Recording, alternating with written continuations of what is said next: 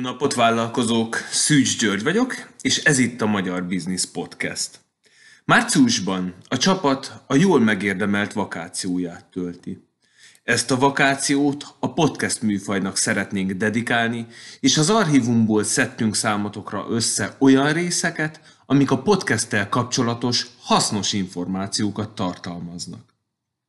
Például, ha a céget skálázásán járna az eszed, akkor a röviden a magyar bizniszről tanfolyamon megismerkedhetsz egy olyan platformmal, amely segíthet vállalkozásod méretének növelésében. Hogyan használhatod ki az értékes információkat a világ első olyan virtuális játszóterén keresztül, ahol a te céged skálázása áll a középpontban. Ez a tanfolyam azoknak szól, akik szeretnék új magasságokba emelni a cégüket, de még nem tudják pontosan, hogy hogyan is tegyék mindezt. Jelentkezz most, és derítsd ki, hogy ez a tanfolyam megfelelő neked.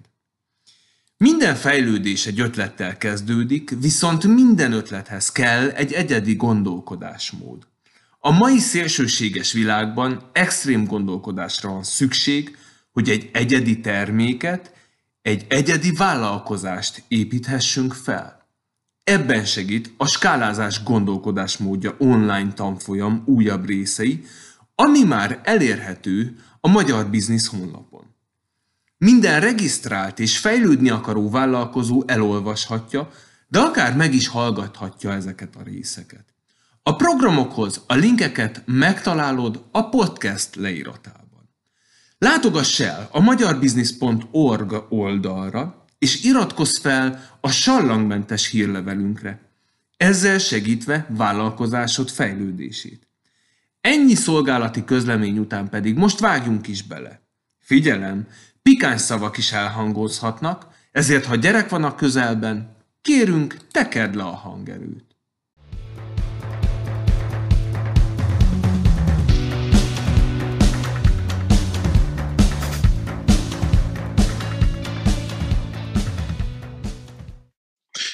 Sziasztok vállalkozók! A mai adásban a vendégeink Mikos Ákos és Tóth Szere Péter. Sziasztok! Sziasztok! Hello. Sziasztok. hello, hello. És terítéken a podcast, a Magyar Podcasterek csoport alapítói, illetve egy podcast ügynökségnek a vezetőivel beszélgetünk, úgyhogy most a hóhért akasztják. Első kérdésünk mindig az, hogy volt-e már valamilyen vállalkozás a családban, honnan jöttetek, hoztatok-e valamilyen vállalkozói vénát, hogy alakult ki az mostani vállalkozásotok? Kezdjük talán Ákossal. Ja, a legjobb, hát a legrövidebb vonal. Semmilyen vállalkozói vonal nincs a családban, ha csak apukám lada heggesztése nem számít ennek, de mivel már elévült ez a bűncselekmény, elmondhatom, hogy talán nem sok számla repkedett akkoriban, és hát talán ennyit láttam. Egyébként, hogyha ezt így leszármaztathatom, akkor igen, akkor egyfajta ilyen egyéni vállalkozói vonalat, mint hogyha láttam volna, de ez inkább fusi, mint, mint nem. Úgyhogy nem egy tipikus vállalkozós családból származom, még én is csak szokom a titulust, vagy a, nem is tudom, mindsetet. Mert hogy volt már úgymond rendes alkalmazotti munkád? Persze, persze. Oké, okay, jó. Péter, te mit örököltél otthonról? Hát, minek utána mindkét felmenőm postás volt, ezért igazán a bélyegek szeretete az lehetett volna egy ilyen, de az sem ragadt meg rendesen. Úgyhogy nem, nem, nem kifejezetten vállalkozói családból származom. Én azt gondolom, hogy édesanyám próbálkozott a rettenetesen sok tíz évnyi munka után a, a vállalkozós élet, és mai egy nyugdíjasként vannak ilyen kezdeményezései, de nem hiszem, hogy onnan fakad az, hogy én szerettem volna vállalkozó lenni. Nekem, nekem sokkal inkább ilyen igazságérzet és önmegvalósítási indítatás volt a háttérben. És, de én is úgy indultam neki egyébként, hogy 30 évesen már elmúlt, amire rájöttem, hogy, hogy nem, nem munkavállaló szeretnék lenni, tehát hogy bennem mindig van egy ilyen mély fájdalom a mostani fiatalokhoz képest, amikor őket nézem, hogy de mekkora menő lenne, hogyha tíz évvel korábban jut eszembe, hogy mi szeretnék lenni. Úgyhogy most nekem, nekem le kell hagynom őket. Tehát akkor mindkettőtöknek ez az első vállalkozásotok, és ez az egyetlen vállalkozásotok, ez a közös? Ezt nem mondanám. Szerintem Péter sem mondhatja ki teljes egészében, hogy e közösben ez az első, de nem az első vállalkozás. Ez így van, ez így van. Na, akkor szálazzuk ki. Mi, milyen, milyen vállalkozásokon mentetek már végig? Beszéljen Péter, mert az övé menőbb, neki nagyobb. Jó, de és akkor utána jössz te? És az ő hangja mélyebb, igaz? Igen, meg szebb is. Um, nekem úgy nézett ki az egész, hogy én, én főleg multi katona voltam nagyon-nagyon sok évig, és amikor úgy éreztem, hogy szakmailag megtaláltam azt a felső plafont, ami, ami engem érdekelni tud, és ott elkezdtem felül plafonokba a, ütközni a helyi lokális oligarchákon keresztül, akiknek a status quo tökéletesen megfelelt, nekem viszont nem. Akkor döntöttem úgy, hogy én ezt, ezt szerintem tudom jobban csinálni, és tudom úgy csinálni, hogy, hogy, hogy ér nemet mondani ügyfélnek, hogyha hülyeséget kér, és ez nekem nagyon fájt, hogy ügyfélként sosem mondtak nekünk nemet. Uh, úgyhogy én, én egy saját online marketing ügynökséget alapítottam uh, öt évvel ezelőtt, és abban viszonylag hamar kristályosodott, hogy irgalmatlanul jól tudunk együtt dolgozni a feleségemmel, aki akkor már még itthon volt a kisebbik lányunkkal, úgyhogy azt beszéltük meg, hogy akkor ő ne is menjen vissza, mert nálunk a háttérsztori egyébként annyi volt, hogy Török Bálintra mentem dolgozni a Telenorhoz, aki ugye most már nem tudjuk, hogy micsoda, mert pont, pont megszűnt létezni, de hogy mivel ide, itt dolgozok, ezért elköltöztünk Érdre, és mikor elköltöztünk Érdre, utána viszonylag hamar fel is mondtam, tehát, hogy így a költözés az megvolt, de már az oka nem, azon kívül, hogy kertesházba költöztünk, nem volt. Ellenben Érdről kellett volna a leheltére följárni a feleségemnek napi szinten dolgozni, hogyha vissza akart volna menni, tehát volt egy gyakorlati része is. De egyébként meg szeretünk együtt dolgozni, úgyhogy ott van egy marketing ügynökség a háttérben, ami most már az ötödik évét tapossa szerintem, de nem szoktam számolni. És emellett nőtte ki magát a, az Ákossal közös bizniszünk, és ez a podcast ügynökség, ez mint önálló brand, ez két évvel ezelőtt született meg, amikor láttuk, hogy itt, itt valami mozgás biztos, hogy lesz a hazai piacon. Azóta van más, még, még, a, még a talomban a biznisz ezeken kívül, de hogyha a podcast a fókusz, akkor igazándiból itt értünk el a Rákossal közös pontra az életemben. Ez lesz majd a fókusz. A marketing ügynökség az valóban menő. Ugye? Yeah, mondtam. Ja, hogy most a podcast jobb, nem? Most podcast az, az sokkal melegebb. Vagy nem melegebb, hattabb, hogy mondod, forróbb? Igen, forró téma, a meleg. forró téma. Uh-huh. Én, én boldog vagyok ezzel a megfogalmazással is. Én most azt látom podcasteknél egyébként, hogy ugyanaz van, mint, mint SEO-val kapcsolatban négy-öt évvel ezelőtt. Én azzal kezdtem, én kereső optimalizálással foglalkoztam leginkább, és amikor öt évvel ezelőtt elkezdtem úgy szélszelni magunkat, hogy mi a SEO-t meg a tartalommarketinget rendbe rakjuk a cégnél, akkor így néztek még, hogy így az mi? Oké, okay, hogy van hirdetés, meg van PR, és akkor ugye a SEO önmagában nem volt életképes, viszont komplett full service ügynökség kereten belül meg tök jól működik, sőt, ma már húzó ág azért nálunk bőségesen a kereső optimalizálás. És én ezt érzem a podcastnél is, hogy vannak, akik értik, hogy mire való, de még nagyon sokan úgy vannak vele, hogy erre nem költünk, vagy aki költ rá, akkor azt kérdezi, hogy hány százezer meghallgatás lesz, és hány millió a bevétel a podcastról. Igen, ezen a podcasterek meg csak csendesen mosolyognak. De, de hát, hagyjuk. Nem mozsolnak egy fájdalomkönycsöppet, hogy már megint. igen, igen. De azért hagyjuk Ákost is kiteljesedni. Te milyen vállalkozásokon keresztül jutottál el a showcasthoz? Én nagyon tűrőmetszett kényszer egyéni vállalkozó voltam, hogyha számít vállalkozásnak ilyen szempontból ez a fajta szólózás én rádióztam nagyon sokáig, és hát, hogy ott nagyon bevett szokás, hogy egy idő után az alkalmazotti létből könnyen válik az ember egyéni vállalkozóvá. Már csak a fizetések nagyon könnyű kiosztása kapcsán is, valamint ugye az egyéb más járulékos események, úgy, mint például falunapok, színpadi tevékenységek, és a nem tudom mi egymás, esküvők, hm, nem mellékesen. Szóval, hogy ezeket valahogy azért mégiscsak jó, hogyha kiszámlázza az ember, és hát ez, ezért lettem akkor én egyéni vállalkozó, és hát emellett voltak azért próbálkozások, amit hát nem túl intézményesült formában még, amikor pont minap emlékeztem erre vissza, kellett például még Facebook oldalakat létrehozni, és hát, hogy majd mi megváltjuk a világot 2012-ben, hiszen tudjuk, hogy hogy kell Facebook oldalt létrehozni, és 18 ezer forintos kis kanalakat eladni a Villaroyan Boknak ami persze nem sikerült, de ettől függetlenül azért már az egyfajta próbálkozás volt. Az ott az szépen elültetődött, és akkor Péternél kitört, fejét kibontotta a talajból, amikor ő megjelent. Hogyan jöttetek össze, hogyan alakult ez a vállalkozási ötlet, hogy Na, pont ti, téma. pont ezt? Ez, ez lesz a forró téma. Mondta Péter, te szebben tudod. Um, ez az egyik kedvenc sztorim egyébként, mert én annó elhatároztam, hogy akarok csinálni egy podcastet. Beléptem a podcaster csoportba egyébként a magyar podcasterekhez, azt se tudtam, hogy ki a Mikos Ákos. Tehát, hogy nem azért léptem be, mert ő ott van, hanem azért, mert, mert az volt a csoport. Egyébként nem mellesleg kiderült, hogy nekünk van egy közös ismerősünk, aki nem mellesleg networkinggel foglalkozik, és a Varga István névre hallgat, és ő volt az, aki rájött, hogy mi ketten valószínűleg tudnánk beszélgetni, mert én kérdeztem az Istvánt, hogy én szeretnék podcastet, de teljesen hülye vagyok hozzá. És akkor mondta, hogy viszont az Ákos nem, és akkor kezdjünk el beszélgetni. Egészen hamar rájöttem, hogy, hogy az Ákossal én nagyon fogok tudni együtt dolgozni, és ilyen a, mindig hiszek a saját megérzéseimben, ezért konkrétan úgy nézett ki szerintem, hogy és erősíts meg, vagy cáfolj meg, hogyha ha, ha gondolod. Amikor még az Ákosnak fogalma se volt róla, hogy ki az a Tóth szerepét. Én mondtam, hogy te fiú, nem akarunk egy közös téged, meg közös bizniszt csinálni, mert állati jó lesz, és tök jó lesz, és én hiszek benne, és imádni fogunk, és akkor így szerintem simán hülyének nézett, hogy le akarom nyúlni valahogy, valamilyen formában.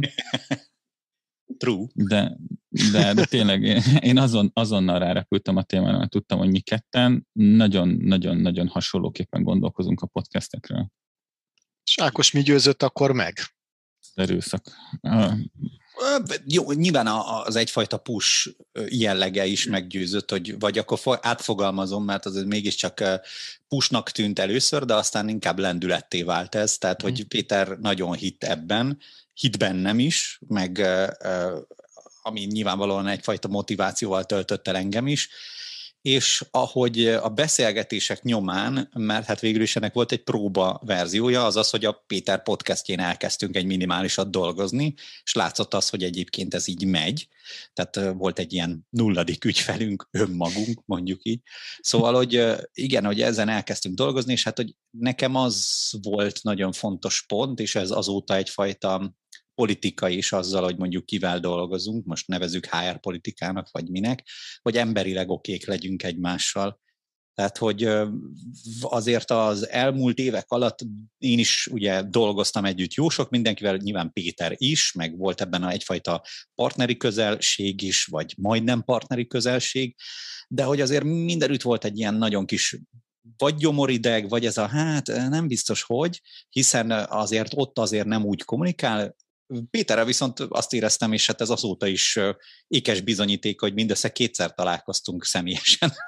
De hogy ugye utalva arra, hogy itt nem hangzott el eddig még ebben a felvételben, de hogy Péter Budapest mellett egy mesés kis valamiben él, ezt nem fogom könnyebben az, az elhangzott, igen, viszont az nem hangzott el, hogy te viszont egy Budapesttől ah, távolabbi ah, nagyvárosban. Jogos, Bocs, yes. GDPR szempontból nem akartam jobban körbeírni Péter, de hát ő már tulajdonképpen megtette, hogy lokalizálta magát. Én Debrecenben élek, igen, és ez, ez már egyfajta mondjuk így távolságot is szülhetnek közöttünk, de érdekes módon, mint ahogy most mindent a világban, meg az előtt is, meg tudunk oldani enélkül is, és ehhez viszont kell az a fajta bizalom, amivel szerintem vagyunk egymás iránt. És akkor ez az első post, podcast vala pedig a GTD? Nem. Nem, nem, okay, nem. Azért na az én, akkor mondjátok, mondjátok. Nem az első projekt, a közös projektünk az az én örök keresztem, amit cipelek magam előtt, és igazándiból tényleg nem engedek a közelébe senkit, csak a betanítás meg az intro kapcsán az a kávészünet nevezetű csoda, ami most egyébként ősszel egészen nagy lendületet vett, aztán jöttek a Black Friday kampányok, és ugye a marketinges olyankor nem dolgozik, hanem csak pihen. Úgyhogy november óta ez most egy kicsit altatva van, meg, meg egy-két projekt közbe jött, de már a héten pont beszéltem a leendő terjú vendégekkel, hogy akkor ezt újra fogjuk folytatni, úgyhogy a kávészünet volt az, ami az én segítséget kértem, az a saját agymenésem. Szerintem azt egyébként a mai napig nem fizettem ki, de nem mondjátok meg neki. Lebarteleztétek. Igen. Jó, igen. Máshol bejött. Na jó, oké, tehát akkor megszületett az ötlet, tehát volt egy podcast ötlet, kellett hozzá szakmai segítség. Ákos, a Magyar Podcast csoport alapítója és egyik Akkor kulcs, kulcs szereplője, így van. És akkor, és akkor szépen elkezdtetek együtt dolgozni. És akkor honnan jött abból az ötlet, hogy mm, oké, okay, oké, okay, de akkor legyen ez egy podcast ügynökség? Az már a mínusz egyedik volt. Mínusz Tehát, egyedik hogy, volt. Az már tulaj, nem, ez tényleg az volt, hogy amikor már Péter uh, introin dolgoztunk, meg az, hogy mondjuk a műsor hogyan legyen még jobban szóló műsor, uh-huh. mármint úgy értem, hogy jól is hangozzon az uh-huh. ő hangján túl, már akkor egyébként Péter keringettem a téma körül, hogy akkor ezzel igen lehetne valamit, és itt most persze a szavakon is lehet egyébként nagyon sokat lovagolni, hogy akkor ügynökség, stúdió, nem is tudom milyen egyéb más megközelítés. Műhely, még az szokott Műhely, lenni. igen. az is benne van, szóval, hogy azt éreztük, hogy itt igazából bárhová nyúlunk, nem még viszonylag kék óceánba kezdünk el fürdeni. És ebből a szempontból a, az ügynökség akkor teljesen kék óceánnak számított, a gyártás része, az alkotás része, abban már hál' Istennek voltak úttörők, de, de ott is még éreztük, hogy, hogy azért még teremhet mhm. babér bőven. Illetve hogy látjátok most ezt a podcast piacot? Tehát ez a, akartam volna kérdezni, hogy lilule az óceán, hogy keveredik-e a kék meg a, a piros, és akkor szépen kikeverjük a lilát, de hogy azért még szerintem nő nagyon ez a piac, egyre többen e, próbálnak ugye rájön, vagy jönnek rá arra, hogy a podcastban van, van érték, és kéne a saját kis brandjüknek podcast. Tehát akkor a növő piacon még, még nincs nagy öldöklés, mert hogy ügynökségből azért már van pár. Mert én azt gondolom, hogy ügynökségi fronton, akik, akik mennyiségre, meg minőségre is konstans módon tudnak hozni műsorokat, abból még azért nincs olyan sok. Bennem inkább volt aggodalom, hogy, hogy és nem mi leszünk azok, akik megteremtik a monopólpiacot itthon az ügynökségként gyártunk témában, de, de az nem jött be, és ennek örülök, amihez azt gondolom, hogy nem csak a mi munkánk járult hozzá, hogy vannak versenyzők azért ezen a terepen, és ennek viszont azért örülök, mert, mert minden egyes műsoron mi is máshogy gondolkodunk, máshogy állunk hozzá, és ők is, és ezek jó műsorok lesznek. Az, hogy mennyi, mennyire lila ez a piac, én azt gondolom, hogy nőni nagyon sokáig fog, még nagyon masszívan, tehát tényleg ilyen évi 10-20-30 százalékos növekedési potenciál a hallgatói számban alsó hangon van most szerintem.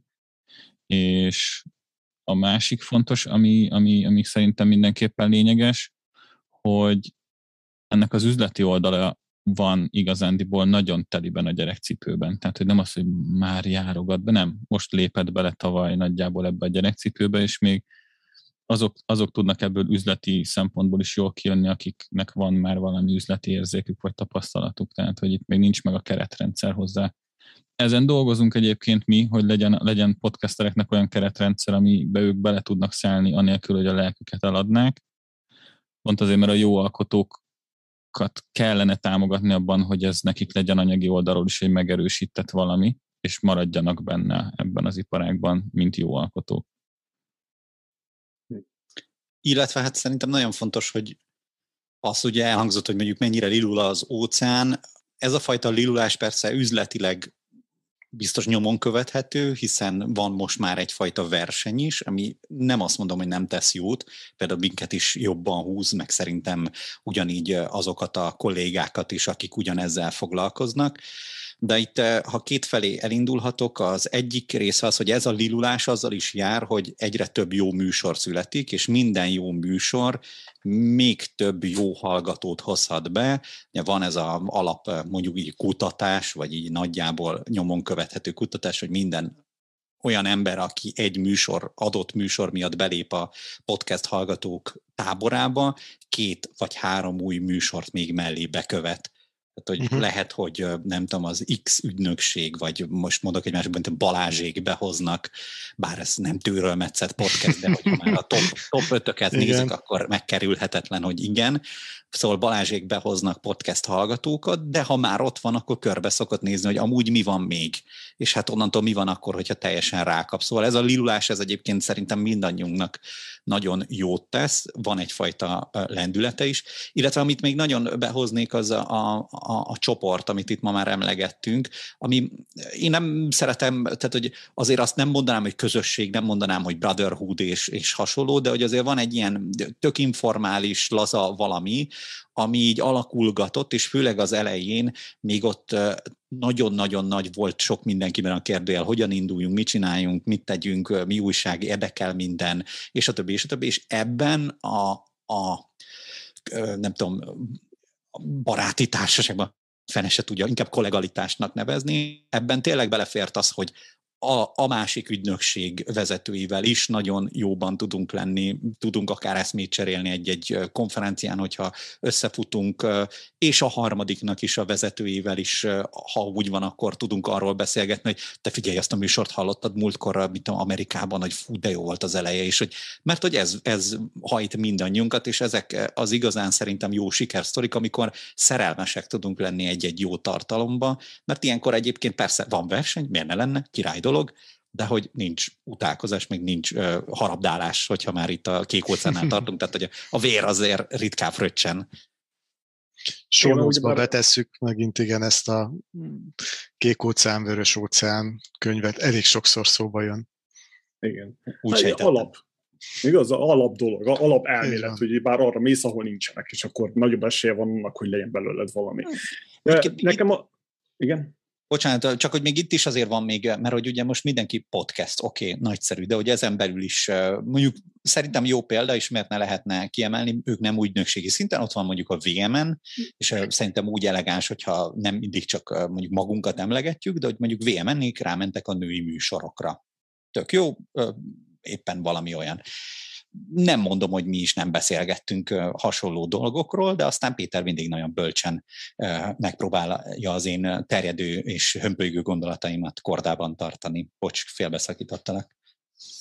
A, nekem úgy tűnik ez az egész, persze majd ti megmondjátok, hogy mennyire van igazam, vagy mennyire nem, de úgy tűnik nekem, hogy ilyen vadnyugat ez a podcastezés, hiszen, hiszen nincsenek kialakulva a dolgok csak úgy nagyjából vannak, úgy nagyjából tapogatóznak az emberek, de az biztos, hogy minél több podcast csatorna jön, persze azokból sok el is fog hullani, mert egy-két-három év is feladják, mert rájönnek arra, hogy nem tudják meghekkelni, de ahogy marad az a lényeg, az a krémje egyre jobb lesz, és ezáltal maga az ipar is egyre jobb lesz, hiszen a hirdetők ott vannak, ott vannak a podcast, podcast gyártók, az editálók, a podcast SEO-sok, mert most már ilyen is van, és akkor egyre jobban tágul a piac, és egyre jobb lesz, szolidabb lesz, és, és egyre stabilabb. De azért még mindig azt látom, hogy bocsánat, a reggel megnéztem a Google Podcast management fiókunkat, és megnéztem az Anchor FM fiókunkat, és hát mintha nem is ugyanazt a podcast csatornák elemeznék. Szóval ilyen, ilyen szinten problémák vannak. De attól még jó a dolog, és működik, és az emberek szeretik. Én is most már a, a témáknak a túlnyomó részét podcastből uh, szoktam tanulni és, és követem. Mit gondoltok erről? Hát egyrészt megvan az, hogy mondjuk vagy nyugat alkotói oldalról is, hogyha most maradhatunk ennél az analógiánál, akkor megvannak itt is az, az aranyások, a kalandorok, hogy, hogy megjelennek, és ez a szó legnemesebb értelmében, mert ki is kell próbálni, meg is kell e, e, tenni azt a lépést, hogy lehet, hogy ebből a patakból, fú, ezt nagyon végig fogjuk bontani, de hogy ebből a patakból szerzem meg az első aranyrögömet, de valóban nagyon sokszor, főleg Covid idején volt erre nagy példa, hogy volt egy nagyobb boom, ott akkor nyomon is követhető volt akár a csoportban is, hogy hirtelen nem a hazai 100-150 podcastből lett 300-400, tehát hogy ez, ez, ez tényleg nyomon, de hogy azóta már nagyon sok egyfajta füstölgő csonk, mert van két-három rész, akkor kedvem támad, de hát igen, ezzel dolog van, meg munka van. És ez, ez még a, a, a nem a corporate része, tehát hogy nem, a, nem az aranykoncernek jelentek meg, vagy szóval, hogy ezek tényleg a kalandor része, és itt is lehetnek sikersztorik, mert nagyon nagyszerű történetek is kibontakoztak már, akik vagy közösségi finanszírozásból, vagy szponzori szerződésből, azt nem mondom, hogy éppen Ferrari-val parkolnak be a stúdiójuk elé, de hogy már úgy kellemesen el vannak. Ami pedig a másik része, hogy akkor valóban cégek is egyre inkább rájöttek, hogy lehet ezt használni szuper dolgokra, ha más nem, akkor kapcsolattartásra, vagy például a számomra legnagyobb csodálattal tekintett belső podcastek világa, az az, hogy akkor a saját munkavállalóinknak készítünk podcasteket, mert hogy milyen jó dolog velük így is kommunikálni, hogyha egyszer személyesen nem tudunk. Itt majd zárójelbe teszek, és a Teletex 777. oldalán egy ilyen négy oldalas tirádát indítok az emberi hang szépségéről, hogy miért jó, hogyha csak hallod a valaki hangját. De ezt most nem teszem meg. Oké, oké. Okay, okay. Egyébként maradva a hasonlatnál azért a hőskor az lehet, hogy sok-sok évvel ezelőtt volt, tehát már, már maga az a tény, hogy erre üzletek alapulnak, és ugye már nem az ékop, és ez csak is szerelemből lehet csinálni, hanem akár ez üzletileg is meg megáll, pár szerencsésnek, meg a legügyesebbeknek, meg, az, meg egyenlőre az elsőknek. Ez szerintem már azt mutatja, hogy, hogy már ezek a aranyások már ilyen kisvárosokban rendeződtek, és már megjelentek az utak, már megjelent a kocsma, igen.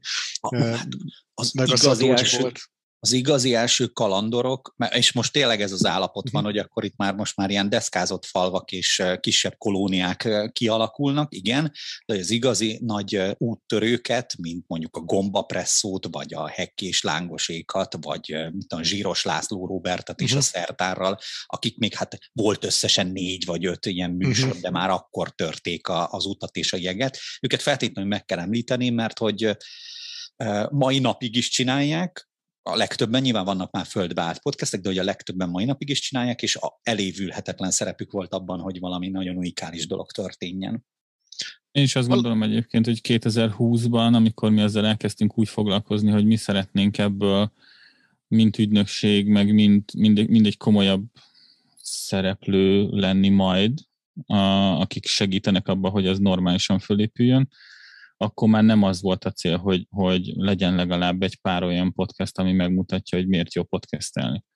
Mi abban tudtunk inkább nagyobb szeletet vállalni az építkezésben, hogy, hogy igen, a példánál maradva, hogy most már legyen sín meg csile a bányánál, meg legyen egy kocsma, ahol be lehet ülni, pihenni, ahol, ahol el tudják költeni azt a kibányászott aranyat majd később. Tehát mi az üzleti oldalát tudjuk támogatni, hogy hogyan épüljön fel.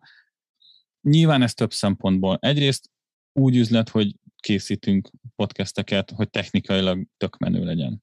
Tehát, hogy ne az legyen a, ne az legyen a sikeres műsornak a, a buktatója, hogy egyszer nem lehet érteni azt, hogy mit mond az ember, hiába tök jó. A, ta, a tartalmi rész az ettől teljesen külön van választva. Az, hogy mondjuk adott esetben, mert vannak hirdetők is akár, és hogy a hirdetők találják meg a podcasteket, az meg nekünk egy másik üzleti vonal, ami gyakorlatilag, amiért, tehát amiért a podcasterek, akik együtt dolgozunk, irgalmatlanul hálásak konkrétan, mert hogy ez nekik viszont tényleg új. Leszámítva a, a befutott keveseket, akiknek maga a podcast meghozta ezeket a megkereséseket organikusan. Uh-huh össze tudjuk szedni egy kicsit, hogy hogy lehet a podcasttel pénzt csinálni? Tehát, hogy akkor mondtad a hirdetést, ugye? Tehát valaki jön, és effektíve el tudod mondani azt, hogy vegyél ilyen-olyan körömgombakrémet. ez az, amit mindenki nagyon szeret. Igen. Igen, ez mondjuk ez pont nem a legjavallottabb, uh-huh, vagy a mhm, leghasznosabb, okay. de, de valóban van ilyen része is. Ez most ugye leginkább a például marad a kalandolok részéről, tehát hogy ez nem a corporate mm-hmm. és a branded eh, tartalom részéről tudjuk kifejezni. Érdekes módon igen, vannak eh, valóban hirdetések, vannak támogatások, ami hát végül is majdnem, hogy egybevág, tulajdonképpen csak a technikai megvalósítása más, mert valóban a körömgombakrémet be lehet mondani két kérdés között is, milyen hatékonysága lesz, az más kérdés, meg lehet az elején egyfajta ezt az adást támogatta a körömgomba krém, valamint hát vannak a, abszolút ennek szánt tartalmak is, azaz, hogy akkor mi lenne, hogyha másfél órán keresztül beszélgetnénk a körömgombán. Ezt már nem folytatom, mert egy Jó, oké, nem, nem, nem, de mondjuk a, a, a lábápolás szépsége. Igen, ezt akartam mondani, hogy találjunk más példát. Szóval, okay, hogy okay. ja, lehet így is, de egyébként az látszik, hogy annál szebb és tisztább nincs, mint amikor a közönséged és egyben a támogatók is meg tudják teremteni, mármint a mhm. támogató alatt a cégeket értem, tehát hogy meg tudják teremteni ezt a, ezt a szép ökoszisztémát, amiben fenntartható egy podcast, vagy meg lehet élni belőle. Tehát ezek, ezek talán az mhm. elsődlegesek. Aztán nem is tudom, biztos van még más is, mert a merchandisingból is egész uh-huh. sokan próbálkoznak, de még az eladott bögrékből nem nagyon sikerült senkinek nagy bevételre szert tenni. Igen, ez érdekes, én is gondolkoztam már ezen egyébként, és a merchandise-ot nem is mondtam volna így első között, amikor azt, a hitelességedet építed. Tehát, hogy effektíven nem direktben adsz el, hanem valamilyen téma körül podcastot üzemeltetsz, megtalálnak, abból tájékozódnak, akkor, akkor lehet, hogy mellesleg akkor téged keresnek meg, hogyha ha fizetnének is valakinek a szakértelméért. Azért nem ismertem mondani, mert hogy ez, ez szinte már lassan alaptézis, amiért elkezdenek podcastet, és valóban így a, akár önmárka, akár márkaépítéshez az egyik legszuperebb eszköz, és talán a legszemélyesebb is, úgy, hogy nem zabálja fel az emberek életét. Tehát, hogy mondjuk például mi is nagyban fektetünk hangsúlyt arra, hogy fenntartható legyen. Most használjuk ezt a szót, mert jobbat nem találtunk, de hogy fenntartható tartalomfogyasztásra is mondjuk sarkaljuk az embert, mert hogy a világ összes ideje nem elég, hogy az összes Netflixes sorozatot én magam is végignézem, vagy azok, amiket becsillagoztam, hogy meg kellene nézni, és még nem hallgattam ebben podcastet, tehát hogy irgalmatlanul sok tartalom ömlik ránk, hogyha lehet, akkor ezzel meg mi is megpróbálnánk már előre gazdálkodni azoknak, akik például majd hallgatják a mi műsorainkat. Jelesül értem ez alatt, hogy ja, lehet, és van is olyan, amikor kell kettő vagy három órás beszélgetéseket folytatni, és olyankor hasznos is, de, de például vágásnál erre nagy hangsúlyt fektetünk, hogy az a ö, gondolkodás, nem tudom, tehát azok az üres járatok, amiket egyébként én azt érezném, hogy az én időmet eszik meg, azt már előre meg tudjuk spórolni a hallgatónak, hogy valóban azt a szintiszta tudást, inspirációt, nem tudom mit szerezze meg, a tartalmat, ami, ami kellhet neki. Jó messzire keveredtem, de ja, valami. Igen. Itt, itt egy, egy ilyen kis apró gondolat az őzésre, azt mindig, mindig el szoktam mondani, a, a, leg, a legdurvább visszajelzésünk ilyen szempontból az volt, amikor a, egy olyan vendéget hívtunk el egy készült műsorba, ahol alapjáraton őzött a, a vendég, tehát hogy ha egy kávé mellett a barátjával beszélgetett, akkor is. És beültettük egy neki vadidegen műsorvezetővel beszélni két kamera meg két mikrofon közé, az egy kicsit rápakolt még az egészre, és ha jól emlékszem, ilyen 700 körüli vágás volt a, a 40 perces beszélgetésben, és azt kaptuk vissza egyébként az ügyféltől, akinek az ismerőse volt a vendég, hogy az van, hogy való életben nem tud vele ilyen folyékonyan beszélni és gördülékenyen, mint ahogy most ott hallatta a hangját, úgyhogy így teljesen más élmény volt az ismerősét visszahallgatni. Tehát és ez nem fontosak. Igen, ez fontos egyébként abban a szempontból, hogy ez egy ilyen etikai kérdés is volt, hogy ez mennyire történelemhamisítás vagy sem. Mi on, én tényleg onnan szeretném megközelíteni, hogy amikor a csapattal, a vágó csapattal dolgozunk ezen, ugye több műsort is, nyilván többen is vágunk, akkor az az alap tézis, hogy akkor azzal próbáljunk meg gondolkodni, hogy aki ezt hallgatja, vajon elkapcsolási faktor lesz-e neki, vagy, vagy zavaró tényező lesz-e neki ez a sok őzés. És inkább szedjük ki, hogy tényleg szuper legyen, hogy a tartalom domborodjon ki, amit akart mondani, ne az, hogy véletlenül aznap nem volt jó paszban, mert ebben azért nem szeretnék, tehát, hogy én is őzök sokat. Mióta nem élő rádiózom, azóta már rengeteget őzöm, ez már biztos, hogyha visszahallgatnánk, ezt is lenne benne, de hogy akkor mi lenne, hogyha ezt megspórolnám annak, aki mondjuk esetleg ezt meghallgatja, hogy, hogy akkor ez még több legyen, vagy még jobb legyen, bocsánat. Igen, ez az azért elég összetett kérdés, mert, mert úgy már nekem mindig az a bajom a, a, a podcastekkel, az ilyen túl spécizett, persze a vég, végletekről beszélek, most a túl spécizett, végban kozmetikázza a podcast, hogy az ilyenekkel az a problémám, hogy nem fedi a valóságot. Nagyon sokszor azzal, hogy elmész valóban egy élő adásba, meg akarod hallgatni azt a valak, azt a vendéget, és mintha nem is ő beszélne. De ugyanakkor tényleg azzal, amit ti mondtok, hogy hol van az a faktor, hol van az a vonal, amikor azt mondjátok, hogy oké, okay, ez már nagyon zavaró. Szóval, és, a... és akkor, bocsánat, ennek a problémának van a másik oldala, hogy egy kezdő podcasteres nem biztos, hogy van ideje, energiája, vagy akár pénze megvágni 400, 400-szor a, a, a, a 40 perces izét, szóval ez ilyen nonsens a dolog, de ugyanakkor meg is kell tanulni. Szóval én borzasztóan összetett a dolog, és, és sokszor azt látom, hogy az emberek nem tudják, hogy mit akarnak. Szóval podcastezni akarnak. Az elején. Igen, hogy de írd le, hogy mi az, ami azt mondod, hogy na, ez már nem fér bele. És akkor valahol el kell kezdeni, és idővel lehet ez jobb. Tehát idővel. Én ezt mondjuk egyfajta ilyen üzletpolitikának gondolnám. Az valóban igaz, hogy ha már ez teljesen torzítja a valóságot, és mondjuk úgy, hogy valakit olyan színben tüntetünk fel, amilyen ő soha nem lesz, uh-huh. akkor ez egy erősen mondjuk úgy aggályos kérdés is lehetne. Én onnan fogom meg, hogy itt jön majd a vágás művészete, hogy lehet ezt úgy is vágni, hogy az őt ki tudom úgy szedni, hogy igazából robotpista beszél, tehát hogy, hogy hallatszik, hogy pattog az egész, mert mint mondjuk egy vlog videót, hogyha néz az ember, hogy ugrál a feje ugye beszéd közben, mert hogy akkora csapások vannak benne. Viszont Na a... úgy vágok én egyébként. Baltával. Igen, de hogy ilyen szempontból az, hogyha mondjuk én magam is a rádiózás kapcsán, vagy akikkel együtt dolgozunk, ők is már 7-8-10 éve vágással foglalkoznak, ki lehet azt úgy vágni, hogy még természetes, de egyébként hiányzik az az ő abból. És ez, ez talán egy ilyen hozzáadott érték lehet, de ezt most nem akarnám ilyen, ilyen saját, nem is tudom, simogatásba így átcsapni. Szóval, ja, ez egy döntés az elején. Erre rárepülök. Arra. Mire? A simogatásra? E, igen, nem a simogatásra.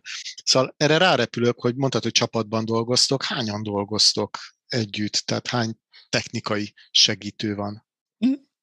Ugye jól szétszállazható, vagy nem tudom, hogy Pétertől, Péter mond nyugodtan, vagy hogy mondjam, hogy, de hogy Péter is egy területet visz, én ugye a megvalósítást, tehát ott is tudom, és akkor így, így építjük a mondjuk, hogy csapatot. Ilyen szempontból könny- könnyű volt a, a bontás, ugye nyilván a marketing ügynökségi mm, háttér az kapcsolatrendszerben azt a fajta üzleti oldali részt, azt hozta, tehát a grafikai hátteret, a, a, a CSS dolgokat, a tartalom mm, szempontjából a nem audio tartalom előállítási vonalat, azt mind-mind hozta, arra van egy Hát projektenként változó egyébként, hogy mire van igény. Ott van nyilván egy négy-öt ember, aki, aki ezekkel foglalkozik. Tehát aki még nem foglalkozik az audióval, csak ami az előtt, meg az után van.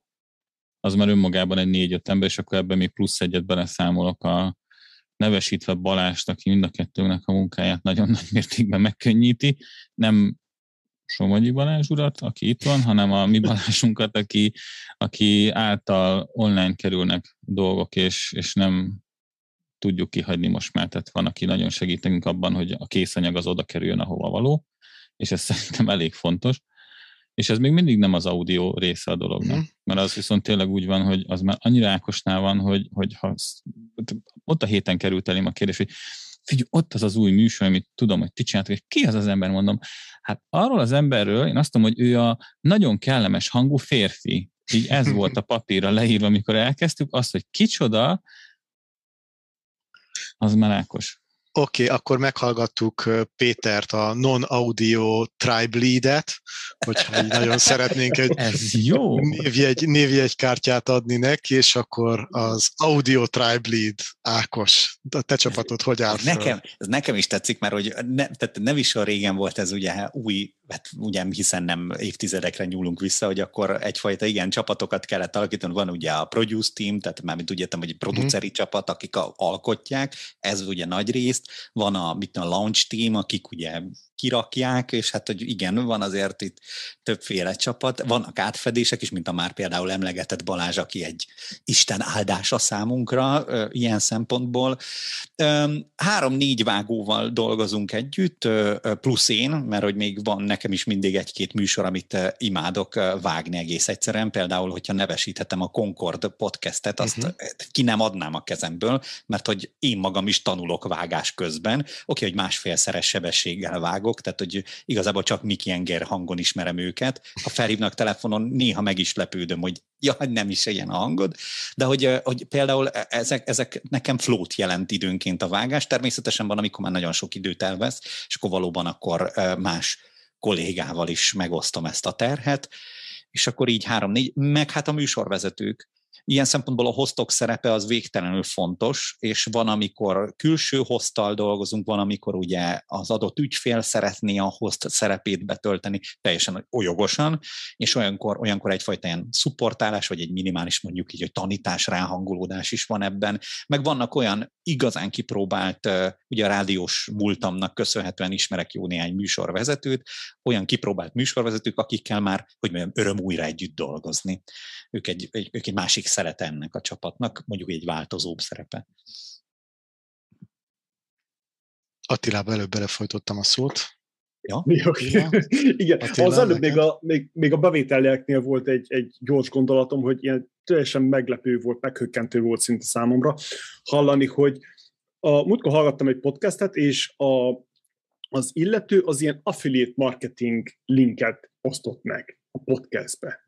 És ez ilyen újdonság volt, hogy fú, ilyet is lehet. Nem kell könyörögni, hogy most valaki hallgassa meg azt a reklámot, mit tudom én, 30 másodperc, és kap érte X centet, hanem a saját affiliate linkedet is be tudod tenni, ami után jobban lehet bevételre szert tenni, ha ügyes vagy persze. Csak ez ilyen érdekesség utaltál ugye arra, hogy Anchor FM, meg hogy Google, és hogy hol uh-huh. mit lehet tapasztalni, ugye mivel ez a vagy nyugati státusz szerintem az is megadja, hogy Kismiró egyféle platformra töltheted fel a podcastedet, és végül is a végcél mindenütt ugyanaz, hogy megjelenjen a Spotify-on, meg Apple podcasten, a két legfontosabb, mert ez már úgy nagyjából 80-85 százalékban lefedi a hallgatókat, de hogy azt milyen disztribúciós platformra töltött fel, és hogy ott milyen megoldások vannak, na ebben például most van egy olyan fajta fejlődés, ami a vasút jelentette a vadnyugaton, de hogy tényleg a már, hát hülye hangzik, de hogy ilyen audio módon kattintható linkekről beszélgetünk most már, tehát hogy például okos hangszórók képesek felismerni bizonyos kimondott mondatok után, hogy akkor elnavigálnak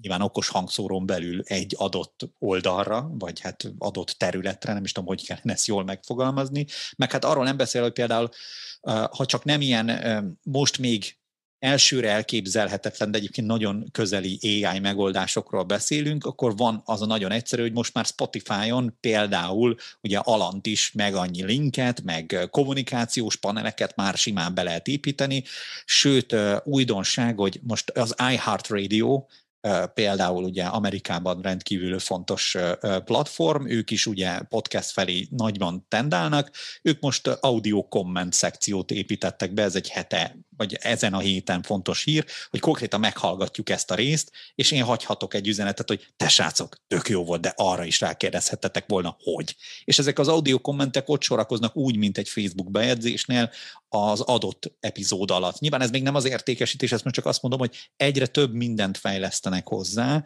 és ebből a szempontból tényleg eljön majd az a pont, amikor mi kimondjuk azt, hogy vegyél, nem tudom, tótszere parfümöt, nem tudom, biztos jó, Péter, állj rá. Szóval, hogy a, és amint ezt én kimondtam, és mondjuk esetleg oda tartottam a telefonomat, akkor már elnavigált a tótszere parfümhöz.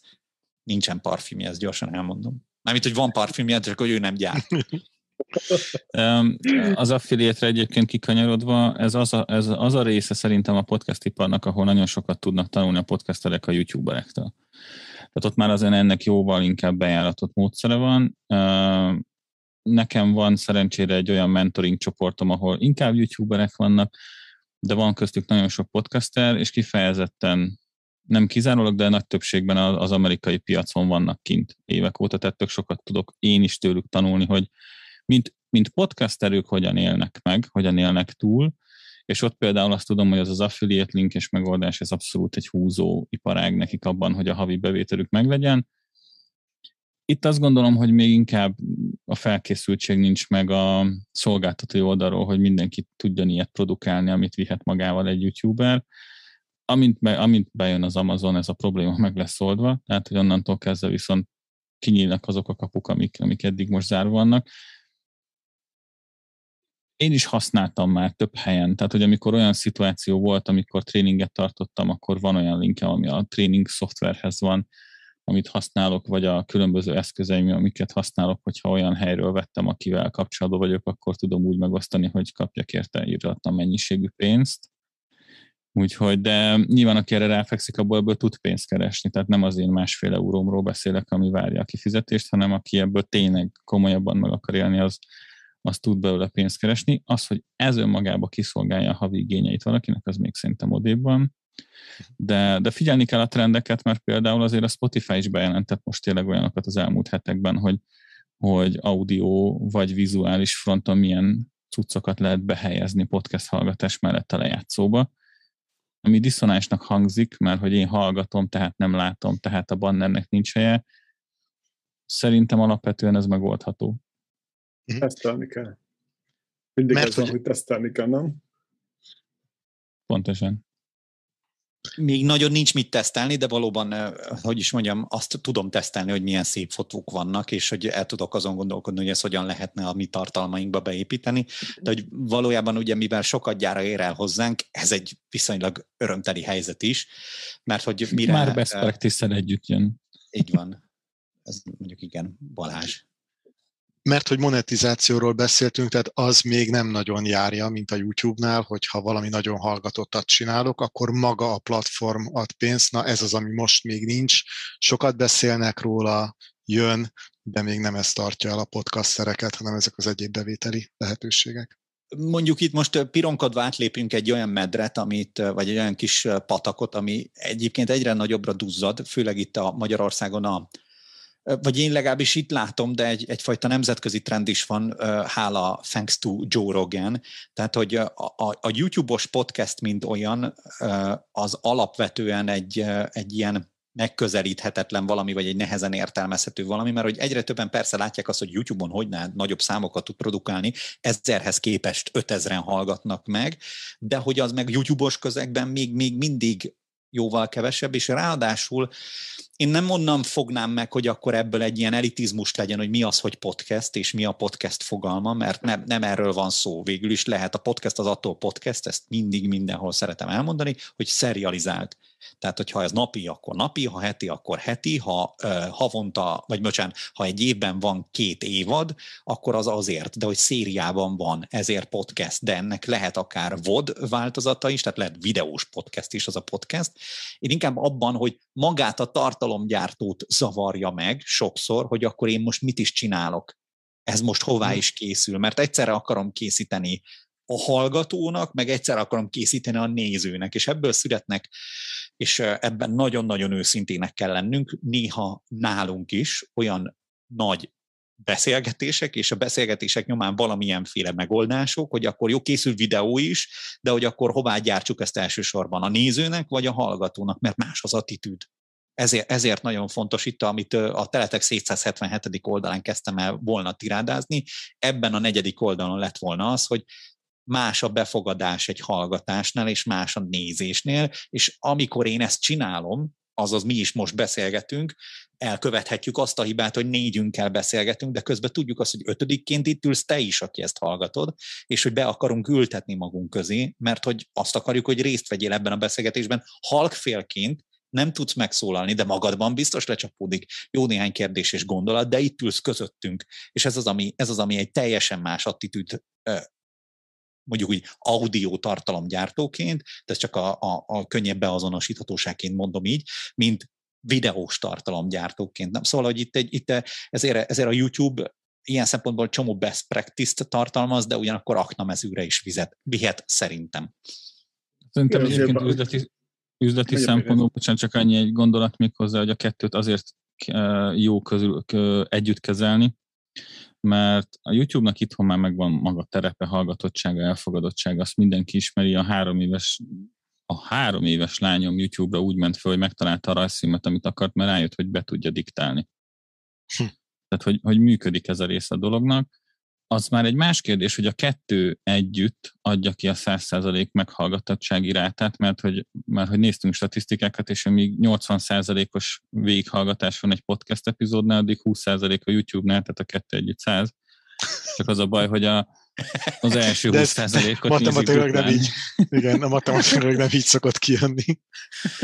Uh, és igazándiból ez, ez, ez minket olyan szempontból, vagy talán, talán kettőnk közül egy, egy fokkal inkább engem uh, úgy piszkál, mint marketinges, hogy hogyan lehetne ezt felhasználni.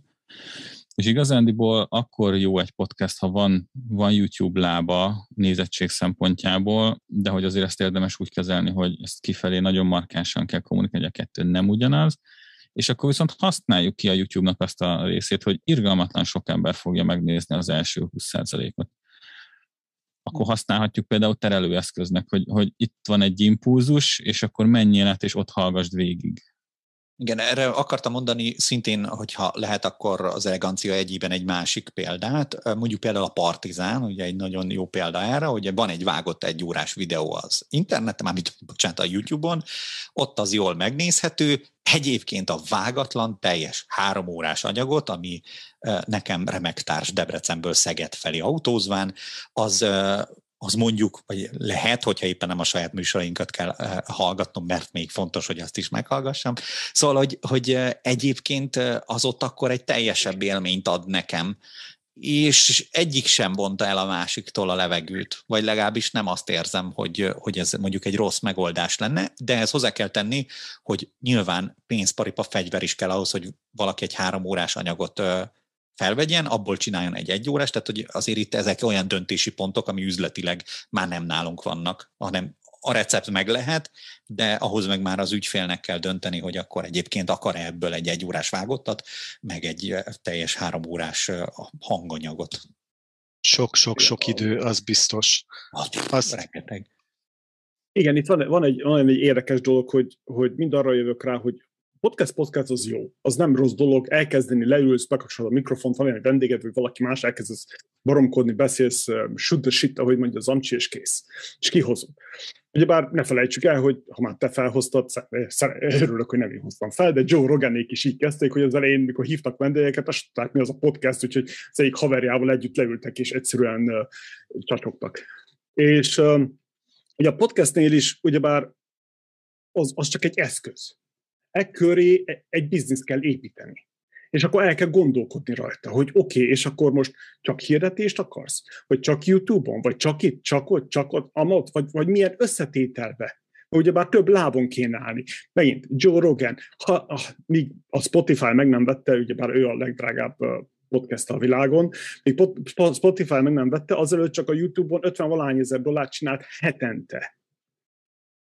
És pedig podcast de annyi lóvét csinált csak a, a, a YouTube-ról, mert feltette az egész adást vágatlanul, meg klippeket, meg mit tudom én, ott baromokodtak össze-vissza, hogy tényleg a konceptus, hogy hogyan építed be. Azért, mert podcasteres vagy, meg van egy podcasted, azt nem jelenti, hogy csak podcasted van, ott gondolkodni is kell, és össze kell rakni dolgokat.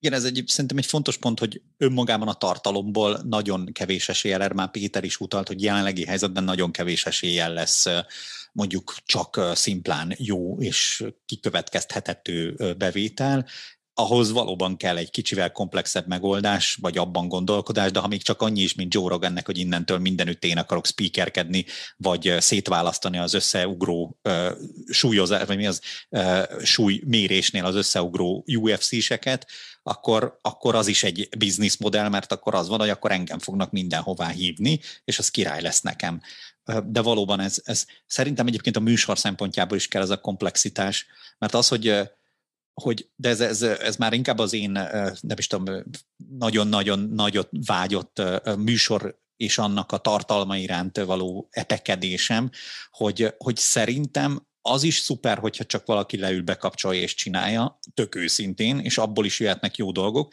de az, hogy ez ne fulladjon ki fél évben belül, ahhoz viszont kell a tervezettség és a tervezhetőség, és ehhez már jól jön az, hogyha egyébként van ennek másik lába is, mert akkor az már is hogy is mondjam, tart engem, kereteket ad, hogy akkor gondolkodjak abban, hogy mi legyen a következőnek a témája.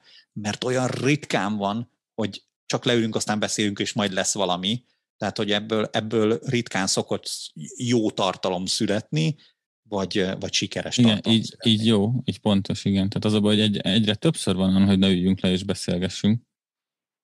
Csak ugye ez, a, ez az a rész, ami, ami a füstölgő csonkok felé viszi a, az irányt egy-egy podcastnél, tehát az nem lesz szerintem hosszú jöttő, hogyha ilyen lárpurlár az egész.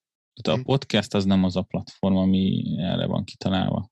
Ja, bocsánat, erre van, erre, erre van, vagy lehet erre kitalálva, miért ne? Hát hiszen demokratikus az egész, tehát hogy bárki bárhol miért ne csinálna műsort, csak hogyha ha még elvárása is lenne, vagy elvárásod lenne, aki ezt hallod afelé, hogy mi szülessen a podcastből, ahhoz viszont szerintem a hallgatónak is, vagy a téged hallgatni akarónak is van egy olyan fajta elvárása, hogy ennek legyen egy íve, legyen egy, egy nem tudom, legalább annyi legyen benne, hogy legyen benne kraft, vagy lendület, vagy lelkesedés, és ezt, ezt viszont a csak lárpullártal nagyon nehéz megtartani. Mi ugye amellett tettük le a voksunkat, hogy azt a fajta, nem is tudom, lelkesedést, amit mondtam, hogy a műsorok iránt van, hogy mindenünk a jó műsor, azt, azt, azt viszont mi így szeretnénk belerakni, hogy egészen egyszerűen tervezett és szervezett jó műsorokat csinálnánk, ettől függetlenül azért például mi is imádunk olyan podcastet hallgatni, most nemrég indult PPP, ugye podcasterekről podcastereknek podcastünkben, van is egy meghívásunk, a, például a Spagetti lakóautó podcast felé, ami hát a legnagyobb lárpullár a világon, tehát hogy Imádom őket. imádjuk, Tehát, hogy ott tényleg az van, leülnek, nagyon készülnek, szervezik, de hogy ott az, ami a csövön kifér, az igazi Just for Fun podcastelés. Őket nagyon szeretjük, el is hívtuk őket a műsorba. Igen, igen talán ez a legle, leg, legnehezebb megérteni, hogy, hogy annyi féleképpen lehet használni a podcastet. Mert, mert csak egyszerűen példák jutnak eszembe. Itt van egy, egy, egy cég, akivel dolgozunk együtt, UK-ben van biotechnológiával foglalkoznak. És ők például a CEO leül az asztalhoz hetente egyszer, és olyan cégeknek a CEO-jával ta, csinál ilyen videós podcastet, aki konkrétan a, a na, nem ellenség, hanem, hogy mondod? Konkurencia. Konkurencia. Köszönöm. Konkrétan a konkurenciája. És leültek, leülnek a konkurensek és beszélnek. Ugyanabba a témába, ugyanazt csinálják. Szóval ez, is, ez ilyen, hogy, hogy eldobod az agyarat, hogy mi van. Mások szóba se állnak egymással, de ezek élőben leülnek és közvetítve van a Facebookon, meg mit tudom én. Fantasztikus. Engem ez, ez kiráz a hideg tőle, annyira fantasztikus. De, hogy visszatérek arra, mondjad. Nem, Folytatom bocsánat, csak annyit akartam ide tűzni, hogy itt jön a képe az, hogy míg mondjuk a blognál van az a művi dolog, hogy meg kell írni, meg kell szerkeszteni, nem tudom, a videónál van az, hogy akkor mégiscsak ott van egy kamera velem szembe. Itt azon túl, hogy egy mikrofonba kell beszélni, egyébként nincs más, mint az tiszta emberi hang, ami a legjobb indikátor abban, hogy hallod-e a lelkesedést, vagy sem. Tehát, hogy azért a hangszínekben hihetetlen erő van, hogy akkor most én beszélhetek így is, meg beszélhetek úgy is, hogy akkor én a legnagyobb örömmel, és ezt ritkán tudod igazán tettetni hosszan.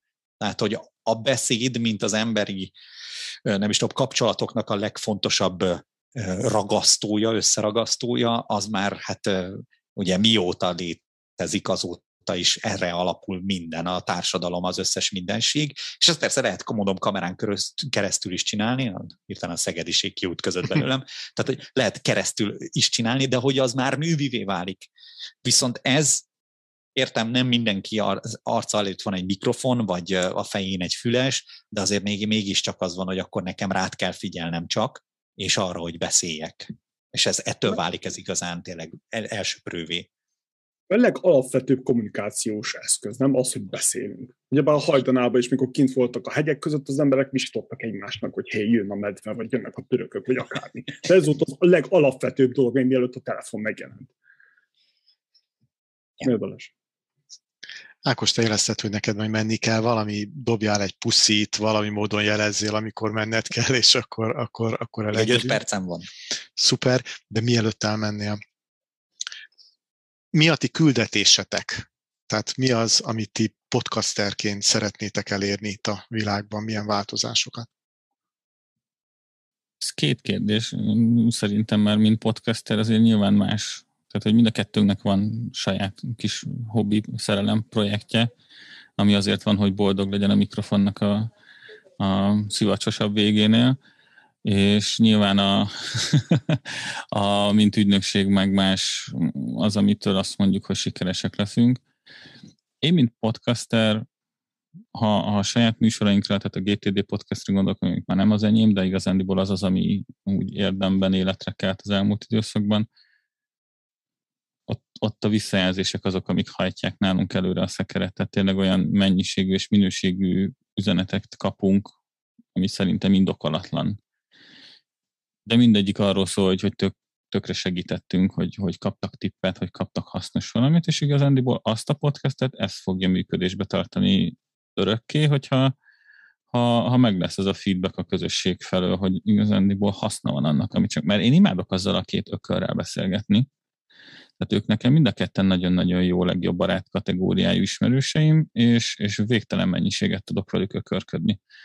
Az, az egy már-már fizikai fájdalom, hogy ebből a baromkodásból a lehető legkevesebbet vigyük a mikrofonok elé, és a hasznosságán ne csorbítsunk a műsornak. Tehát, hogy van benne egy fejlődés történet azért, hogy ez jó műsor legyen, ott, ott az a cél. Azt gondolom, hogy ügynökségként inkább a felé kellene, hogy terelődjön nekünk a figyelmünk, hogy, hogy kerüljük el azt a végeredményt, amit mondjuk egy AdWords hirdetésnél már sikerült a szakmának elérnie, tehát hogy már mindenki hülyét kap a, a, a 32-szerre való hirdetés megtekintéstől, amit nyilván az adatbiztonsági korlátozások elősegítettek, tehát most már nem tudom kizárni, hogy ne lássad 32-szer, de, de az, tehát, hogy én, én speciál a legnagyobb veszélyforrást a podcasteknél abban látom, hogy, hogy, hogy le fog menni arra a szintre, amikor az emberek ezt is megunják, mert, mert agyon lesz használva, és már minden reklámot egy reklámkövet, ami két reklám közé van beágyazva, majd beköszön a műsorvezető, és elmondja, hogy ki volt a szponzor. Uh-huh.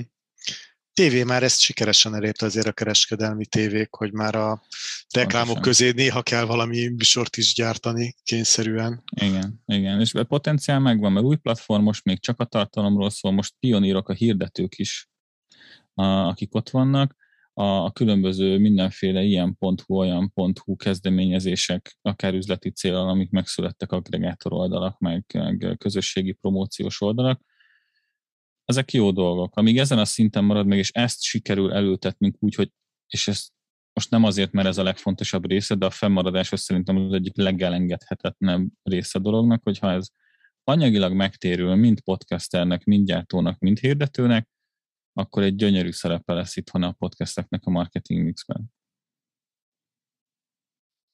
Ákos, neked mi a célod podcasterként? Hát, hogyha a saját műsorom vonatkozásában akkor a, a, mindig a következő rész elkészítése úgy, hogy az szuper legyen. Most még jelenleg ebben is mondjuk úgy, hogy vannak hiányosságaim, mert hogy ugye hát Schuster és a saját cipője, ugye végtelen sok időt tudunk eltölteni más podcastjével, de hogy a sajátunkkal éppen ezért egyébként felszabadító ez a serializált dolog, mert hogy ha, ha akarjuk, akkor ugye az első évaddal több hónapra is el tudjuk küldeni szabadságra a saját uh-huh. podcastünket, és majd visszatérünk vele, amikor kell. De azt tudom mondani, hogy ugyanúgy, mint ahogy a saját podcastemnél, még a ügynökséghez tartozó podcasteknél is egy lehet a cél, vagy legalábbis én erre gondolok, és ezt eh, szerintem még úgy is eh, ki tudom ismerem mondani, hogy eh, ismerem azokat, akikkel együtt dolgozunk, mert partnereink, hogy engem nem annyira az ő boldogságuk érdekel, hanem a hallgató öröme, vagy hát, hogy az, amit csináljunk, az a hallgatónál jól csapódjon le. Valami olyan kerüljön ki, amit öröm hallgatni, mert hát végül is mindenkinek ez mondjuk így, hogy az érdeke nekünk is, az is, akivel mi együtt dolgozunk a műsorán, és ilyen szempontból többször kell boldoggá tennünk a hallgatót, hiszen érte vagyunk. Én nagyon szeretek ezen elgondolkodni, hogy mint ahogy Péter is utalt rá, hogy vannak emberek, akiknek tényleg változást jelent az, az egy műsor, amit te megcsináltál, és hát, hogy, hogy valahol, valahogyan az tovább él. Mindig szeretem mondani azt a vágót, aki, aki Péterék műsorával foglalkozik. Az úriember e, tulajdonképpen abszolút csak rádiós közegben létezett, eddig semmilyen köze nem volt a GTD-hez, de hogy az élete elkezdett megváltozni a családot. Máshogy menedzseli és egy ő annyit csinál, hogy vágja a műsort, tehát meghallgatja ugyan, de hogy, hogy neki konkrétan, és, és mondta, hogy majd üzenem Péteréknek, hogy hogy egyébként nagyon sokat jelentett nekem például ez a rész, és hát, hogy ezeket így jó hallani, nyilvánvalóan ezért is csinálja az ember, és ez, itt tudom talán ezt a párhuzamot megvonni, hogy a saját műsornál is, ott nyilvánvalóan ez, de még egy ügyféllel közösen alkotott műsornál is az a cél, hogy, hogy ezt öröm legyen hallgatni, mert, mert hát végül is ezért csináljuk. De ez az az edukációs része egyébként, amit nekünk fel kell vállalni. Tehát nekünk az ügyfeleket is edukálni kell, hogy nem, nem fogja elmondani, hogy mennyibe kerül és melyik boltba tudja megvenni, mert azzal csak azt fogsz elérni, hogy téged, mint brand, és a műsort, mint, mint műsor fogják ott hagyni. Igen. Igen, Oké. Okay.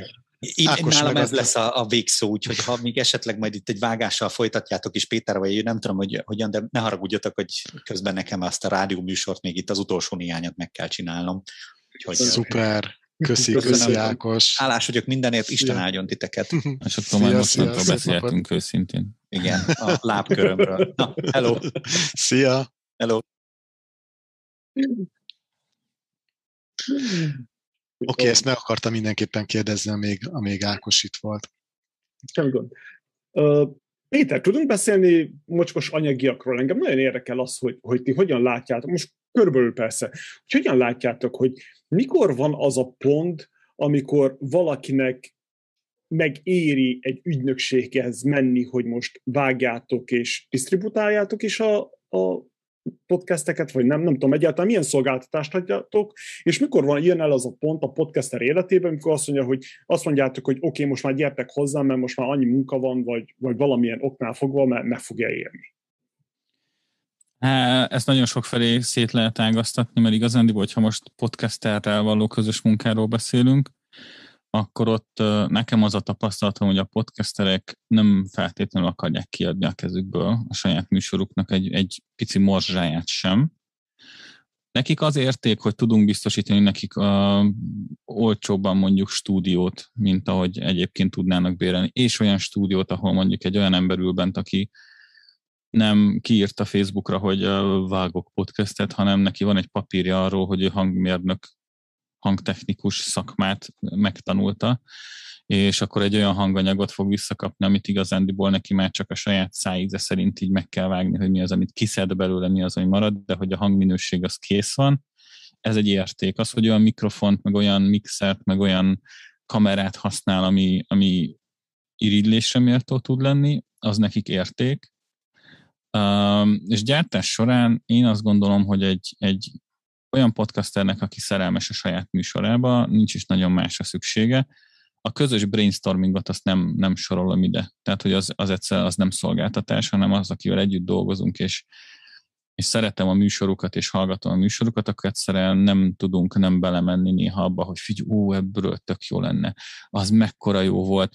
Ez volt a kedvenc epizódom a múlt héten, mert hogy annyira belevonódtál, hogy ott látszódott, hogy az, az tök őszinte volt. Tehát, hogy ez a rész, ez megvan. Az, hogy technikai segítséget tudunk nekik nyújtani, az egy dolog. És akkor van egy, van egy olyan rész, aminél azt gondolom, hogy viszont nagyon sokat tudunk segíteni, az, az pontosan a minden más, ami, ami nem a podcastnek a gyártása. Az, hogy nálunk van egy, van egy marketing ügynökség a háttérben, a, ahova tudok nyúlni, hogyha kell erőforrás, és akkor tudok úgy szerződni hirdetővel, podcasterrel, hogy kap olyan szolgáltatást, Na, az más. Az egy külön szakma, az, az olyan, mint nekem a podcast vágást megtanulni. Én irgalmatlanul élvezem, irgalmatlanul szenvedek, és irgalmatlanul béna vagyok benne még. Majd lesz ez másképp is, de hogy, de hogy az nekem a saját kis kanasszám, hogy nekem el kell érnem azzal, hogy én meg tudjak vágni úgy egy epizód, hogy ne ez a baltával aprítós legyen. Egy podcaster ezt mondjuk meg tudja csinálni vagy nem, mert azt mondja, hogy ő, ő nagyon jó interjúkat tud csinálni, nagyon jól tud beszélgetni emberekkel, de az, hogy ez meg legyen vágva szépen, azt mondjuk ő nem tudja, nem is akarja megcsinálni, és akkor lehet, hogy abba tudunk neki segíteni, hogy legyen összevágva egybe.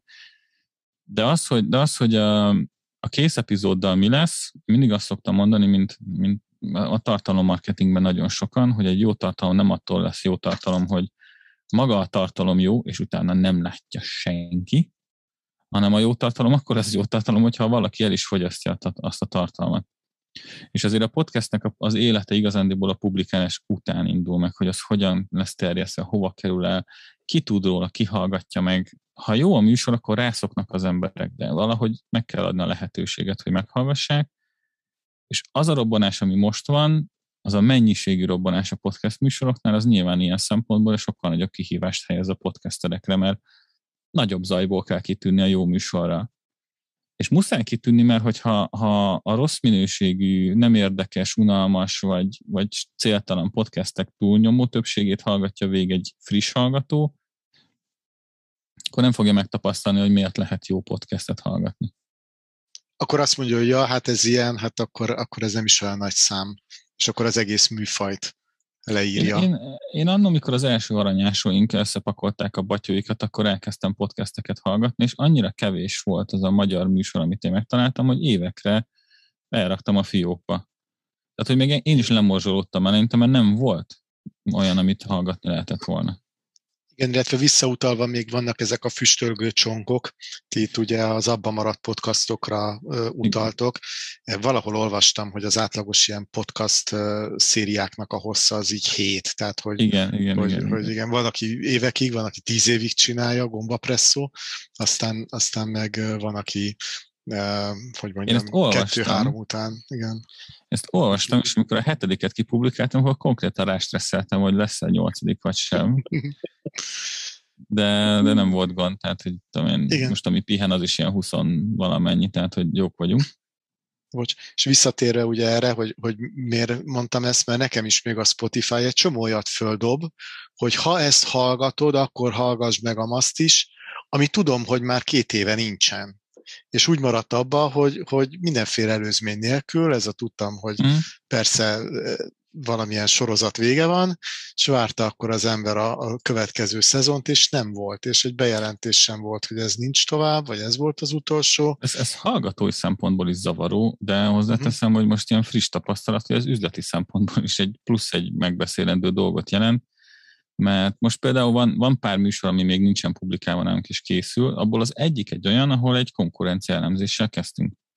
Ahol mi ezeket kiszűrtük, hogy ez nem konkurencia, mert 2019-ben volt utoljára epizódja, tehát mondjuk akkor ne tekintsük konkurensnek a 2022-ben induló műsorhoz, és mellette megcsinálta a leckét az ügyfél is, tehát a megbízó brand, és ő meg, ő meg kiristázta, mert hogy kulcsszó szerint az egy konkurencia, és mondom, hogy jó, de hogy így ne törődjünk már vele, hát két éve egy, egy semmit nem rakott ott föl senki, tehát hogy nem, effektív nem konkurens. Tehát ha elkezdünk mi itt műsort gyártani, akkor nyilván az algoritmus a friss műsort előrébb fogja priorizálni. És ennyi, ennyi volt a dolgunk vele, hogy gyártsunk műsort, és már nem konkurencia. De hogy ez is egy olyan dolog, hogy most ott van útakadálynak az a, az a sok félbehagyott műsor, amit mindegyikért kár, hogyha jó műsor volt, akkor, akkor azokat tovább lehetett volna, és kellett volna vinni. Az biztos, hogy ha már konkurenciával vagy szemtől szembe, remélhetőleg nem, és egy egyedi terméket, egy egyedi témakört akarsz megcélozni, és akkor nincsen konkurenciád, akkor, akkor már úgy sokat tudsz nyerni, hogyha rendszeresebben hozol ki műsorokat, mint a konkurenciát. Hát Ugyebár az- lehet nyerni, igen. Igen, igen. Persze azért a tartalom mennyi, a minőség is ott kell legyen, szóval ez ki kell valahol egyensúlyozódva legyen, hogy, hogy ne csak az legyen, hogy most kihozunk, csak hogy kint legyen. Hát nem száz százalékban ezen múlik, de egyébként tehát, hogy az algoritmust ilyen szempontból lehet kényszeríteni arra, hogy a miénket többször mutassa több embernek, tehát talán azért a megtekintési számokat lehet ezzel nagyon szépen növelni. Én azt gondolom, hogy inkább a, a, a kevesebb darabszám és a nagyon fixen visszatérő hallgatóság az hosszú távon mindenképpen nagyobb érték. Ha most egy márkan szempontjából nézem, akkor nekik aztán meg pláne mert hogy olyan hallgatókat szeretnének, akik, akik visszatérnek, és mindig hallják, hogy igen, ezt a műsort ez a brand támogatja. Tehát pontosan azt a, azt a nem is tudom, azt a Coca-Cola effektust akarják ilyenkor a brandek elérni, hogy egy, egy kellemes gondolattal, vagy egy jó témával legyenek párosítva. És aki egyébként így áll bele, az nem is fogja kérni, hogy legyen említve, hogy mennyibe kerül az új körömgombakrém. Aranyásó lapát, Hát jó? Egy kicsit, igen, az aranyásáshoz használható lapát. Igen, azért Hát, hoztam fel meg- ezt a... Mondjad. De nem, tehát hogy csak ennyi tényleg, hogy szerintem ez a legfontosabb, hogy aki megérti, hogy nem sales csatornáról van szó, az nem is fogja ezt kérni. És most van előttünk, és ezt podcastereknek is mondom, nem csak azoknak, akik, akik ügynökségi oldalon, vagy akár mint sales house dolgoznak ezen az egészen. Most van itt a feladat, hogy erre edukáljunk podcastert, hallgatót és ügyfele és hirdetőt egyaránt. És nagyon jó a környezet szerintem. Azt akartam mondani az előbb, hogy az a sok, többször hozzunk ki és rendszeresebben epizódokat, hogy, hogy megint Joe Rogan tudom előhozni, hogy nem elég, hogy régóta csinálja, nem elég, hogy, hogy rendszeresen csinálja, de heti három-négy részt hoz ki. És amikor belegondolsz abba, hogy heti háromszor kihozol két, három, négy, akár öt órás podcastet, szóval az azt jelenti, hogy mindig van mit hallgassál. A palettája borzasztóan színes, hiszen a, a életterületnek területéről, minden szegletéből hoz valami vendéget, úgyhogy olyan nincsen, hogy ne, nincs mit hallgassál tőle. És szerintem ez, a háromnak a, a, az, az persze, hogy van egy stílusa, egy eléggé emészhető, érthető, földhöz ragadt stílusa, ez a három-négy különböző ö, sarokkő, ez adja azt a lehetőséget, hogy egy podcastet meg lehet egy magasabb szintre emelni. Gondolom én? Hát igen, hát ahhoz, hogy olyan mennyiségben egyébként lehessen, ahhoz mindenképpen kell, hogy vendég alapú legyen a műsor. Minél, minél színesebb a, a részvevőknek a köre, minél többször van vendég, annál könnyebb a műsort megcsinálni, és ezt nem azt mondom, hogy könnyű, csak könnyebb, mert könnyebb beszélgetést generálni. Egy fokkal nehezebb, hogyha ugye ugyanaz a néhány ember gyűl, gyűlik össze rendszeresen, és akkor mi beszélgetünk. ott is azért könnyű terelni a beszélgetést egy bizonyos irányba, bedobunk egy témát, és akkor lehet arról beszélni, vagy, vagy ha, ha, ha feladatmenedzsmentet oktató trénerek beszélgetnek egymással, mint nálunk, akkor nyilván meg van tervezve minden egyes podcast előre, és így szekciókra le van osztva, hogy milyen témákat szeretnénk egyébként említeni, és akkor szerintem a, a létező legnehezebb műfajból nem lehetne egy ilyen Joe Rogan kategóriájúvá kinőni, az az, hogyha valaki szóló podcastet indít. Tehát az, hogy én leülök egyedül, és beszélek heti, heti háromszor öt órát, egy, egy, de úgy, hogy élvezhető is legyen, és ne azon, hogy felolvasom a révai lexikon, az nem, az biztos, hogy nem működne. Szerintem a heti egy műsor is olyan szóló podcastben, hogy azt a témákból fogyok ki egy idő után, hogy egyedül miről tudok beszélni a 62. héten. Igen. Igen, egyébként a kedvenc, egyik kedvenc podcastom, az egy szóló, csak az ugye nem több órás, hanem 5-6 perces, elején és végén is van egyébként reklám, úgyhogy marad neki összesen 2 perc, egy gyönyörűen skriptált podcast, Before Breakfast, és ez igen, mint uh, igen, a hatékonyság növelő podcastotok mellé szerintem ez nagyon jó a Laura Vanderkampnak a, a podcastja, imádom. Az nagy, azt szerintem be is, azt szerintem azt te dobtad be talán a magyar podcasterek csoportba. Igen, igen, még, igen. Még tavaly vagy tavaly előtt, és, és én ott, ott kaptam rá. Abszolút, nekem teljesen bejött. Igen, igen, én is mindenkinek így, így mondogatom, hogy angolban egy, egy, egy nagyon érdekes formátum, hogy tényleg egy-két perc tökéletesen skriptelt, és naponta, minden nap kijön. Fantasztikus. Hát már csak a kísérleti jelleggel egyébként érdemes lenne kipróbálni, hogy vajon lehet-e, lehet-e utánozni és utána menni. Két perc, érted, röhögsz rajta, Apple bármikor. Igen, a 340. napon mi lesz a két perc? Úgyhogy nem, az, az abszolút respekt, az is. Akkor kísérlet? Challenge? Valaki challenge accepted? E, engem motivál. Én a, én a sajátomat, a kávészünetet, azt tényleg úgy indítottam el, hogy egy kávényi uh, valamit akarok fölmondani egyedül, és akkor ilyen 7-10-12 perces epizódok voltak eleinte. Az ott meg, amikor bele, rámentem olyan témára, ami nagyon tetszett, és akkor ott hirtelen egy 30 perces monológban találtam magamat. Ami azért meredek, hiszek a storytellingben, és hogyha egyszer elkezdek beszélni, akkor nehéz visszavenni a szót, és ezen dolgozom de, de sajnos a GTD tréningek például ilyen szempontból nem jó irányba visznek. Tehát ezért az a, a hőskorban, mikor még tanteremben oktattuk, a, ott az úgy nézett hogy ez 8 és fél órás monológ volt az első nap, és utána nyilván egy gyakorlati nap a másik, amikor implementáljuk a tanultakat, de ott egy teljes napot végig kellett mondani egy levegővel. Hát ez egy online tréningért, vagy egy ilyen online felvett videóért kiállt, nem? tényleg ezt így reggel berakom, és akkor gyerekek délután találkozunk. Um, az ott mindenképpen harcedzetté teszi az ember, de, de az már kihívás, hogy akkor viszont 7 percbe szoríts bele. Kettőbe. Uh-huh. Akkor tartasz két GTD tréningeket is? Tehát akkor mégsem csak ez az ügynökség van, hanem... Ja, persze, persze, persze. Igen, tehát hogy azért vannak itt, tehát hogy a kör úgy teljes biznisz oldalról, ha már ilyen környezetben vagyunk, hogy, hogy az ügy, a két ügynökség mellett van egy szegedi uh, smart home tanácsadó cég, amiben benne vagyok, és ott a marketinges feladatok, mint, mint tulajdonosként az enyémek. Ez a, a Zsák Petinek a nevével valószínűleg találkoztatok, ő a, ő a hazai okos otthon guru.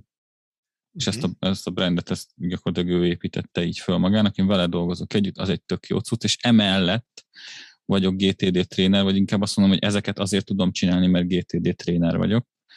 Um, és mindig magammal szoktam példálozni. Tehát az, hogy ezt a három brandet, ezt a három ügynökséget, meg céget tudom így a magam módján irányítgatni, és mindemellett van családom, és nem váltam még el, az azt jelenti, hogy ezt valahogy egybe kell tudni tartani.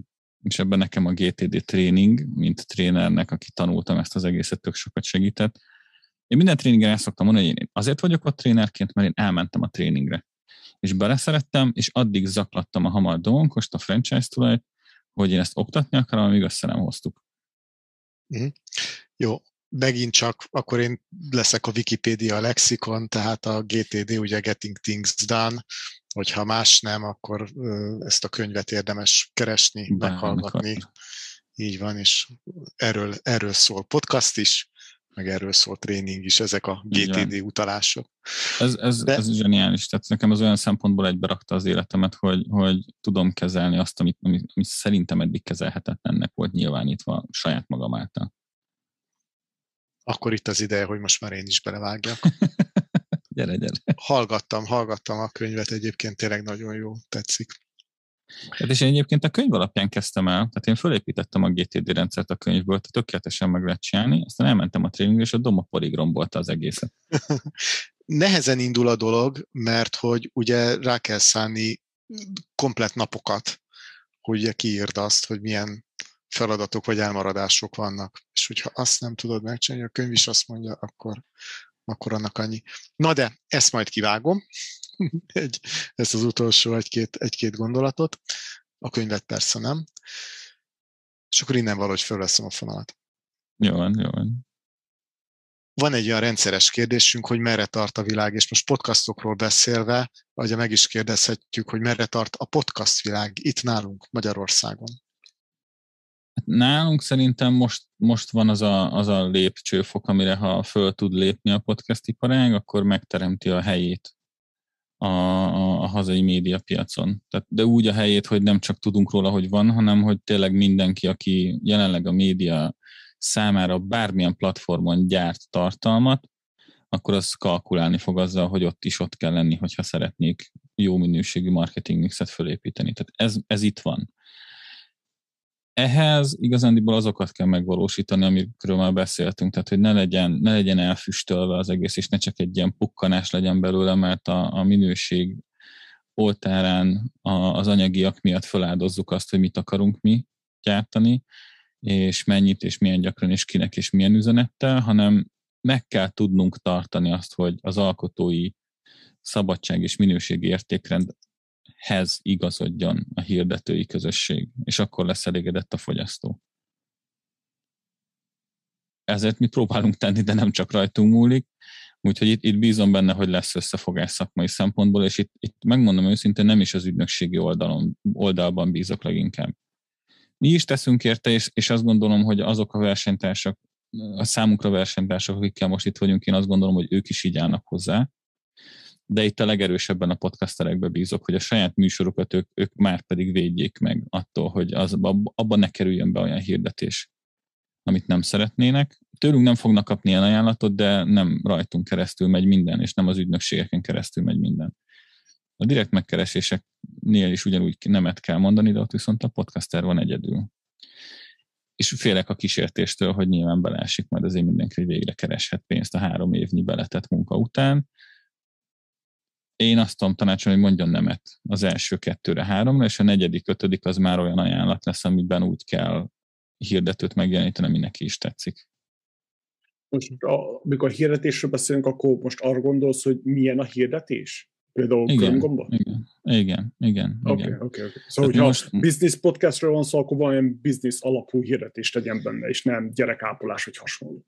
Persze, de hogyha azt mondja, hogy biznisz alapú hirdetés, akkor az teljesen jól kiveszi ki magát, hogyha a műsor előtt egy pre lemegy egy olyan anyag, amiben a podcaster azt mondja, hogy ha mit én, új vállalkozást akarsz indítani, akkor figyelj, menjél fel erre az oldalra, és nézd meg a KNH banknak, Magyar Budapest banknak, vagy az akármelyik banknak a legújabb számlacsomagját, amit kifejezetten kezdővállalkozók. Ez helyén van, nem szép, de legalább nem rombolja a minőségét a műsornak. Pont, pont a héten beszélgettem egy olyan, olyan podcasterrel, amivel, aki nagyon remélem, hogy hamar ki is tudjuk hozni rá a referencianyagot, ami, ami azt gondolom, hogy a minőségi elvárás tud lenni, é, akinek olyan podcastja van, amiben igazándiból a történetmesélésről van szó, mint, mint hagyományról, mint eszközről, mint, mint belénk égetett valamiről, ami a túlélésnek volt régen az egyik eszköze, hogy az hogyan működhet most, és az, az ő műsorába szeretnék majd összehozni egy olyan uh, tartalompromóciót, hogy maga az epizód az egy önálló történet és epizód legyen, amiben beleszőjük a hirdetőt magát, tehát az abszolút natív hirdetésként jelenjen meg. Az van zseniális. Már, van már ennek neve? Lehet spoilerezni, vagy amíg ki nem jön, addig inkább? Nem, még nem akarom, mert még nem, nem akarom rákényszeríteni a, a, a kötelező, na most akkor azonnal csináljuk meg nyomást a, a podcasterünkre sem. az elvi és a gyakorlati és az üzleti egyetértés ez megvan, tehát nem ezzel van a probléma, csak még a megvalósításra nem akarom siettetni. De, de ha meg lesz, akkor mindenképpen akkor vissza, hozzátok vissza fogok vele kacsintani, hogy akkor ez az. De én azt gondolom, hogy ez a natív jellegű hirdetés a podcastereknek a jövője. Tehát ebből lesz fenntartható, meg nyilván a sapkákból és a pohár alátétekből. Igen, azért azt ne felejtsük el, hogy a filmekben is ez borzasztóan jól működik, mikor az a nem tudom milyen detektív megy a nem tudom milyen márkájú kocsival, és csak azzal megy, és akkor amikor látják, hogy leparkol, akkor lemutatják az kocsinak. Az, szóval ezek borzaszt, ennek borzasztóan nagy az ereje. Hogy Persze. van például ez a, a múltkor volt egy, egy ez a, a könyvet hallgattam, Sales, Sales Psychology, vagy valami hasonló volt a neve, mindegy. És a lényeg az volt, hogy, hogy kivesézték, ugye bár volt a nem tudom milyen amerikai, azt hiszem Ford vagy Chevrolet, vagy valamilyen és szutyok amerikai kocsinak a, a reklámja, a, a műsor minden egyes reklám többjébe, és kiadtak érte azt hiszem 19 millió dollárt, és ugyanakkor jött talán a Coca-Cola vagy kicsoda, aki kiadott 15 millió dollárt, és minden egyes bíró előtt, meg, meg a stúdió be volt rendezve Coca-Colának hogy, hogy sokkal kellemesebb úgy nézni a műsort, hogy a háttérben ott a Coca-Cola, mint hogy jön a blokk reklám, és akkor az ember úgy is kimegy pisilni, vagy hogy egy kávét, vagy popcorn, vagy akármit csodát, és e, e, ez a, ez a, a, a storytellingben, mikor bele vésed, belefűzöd a, a reklámot. Szerintem ez a Igen. művészete a reklámozásnak. Nekem a natív hirdetésben a, a kedvencem az volt, most hirtelen nem jut eszembe a brand, mert még a, ezt még né, három-négy évvel ezelőtt kutattam, amikor volt pont erről egy előadásom egy konferencián, ilyen storytelling meg márkák használata témában, hogy, hogy egy főzős műsor volt szponzorálva a cég által, csináltak hamburgert, mert hogy így semmi extra, nagyon jó kis ilyen, ilyen kis főzős volt, és igazándiból a hirdető az egy sörmár, sörmanufaktúra volt, és az egészben úgy jelentek meg, hogy a burger alá tett papíron az ő logójuk volt így 1500 keresztben nyomtatva, meg nyilván az ő sörüket itták. Csak az mindig úgy volt forgatva megfelelően, hogy így látszódjon a címkés. Nem volt, és ennyi. És a legvégén megköszönte a támogatást a és akkor belejött a sörbe. Tehát, hogy így az egész műsorban nem hangzott el. Csak azt tudta, hogy ez egy szponzorált műsor volt, aki végignézte az egészet.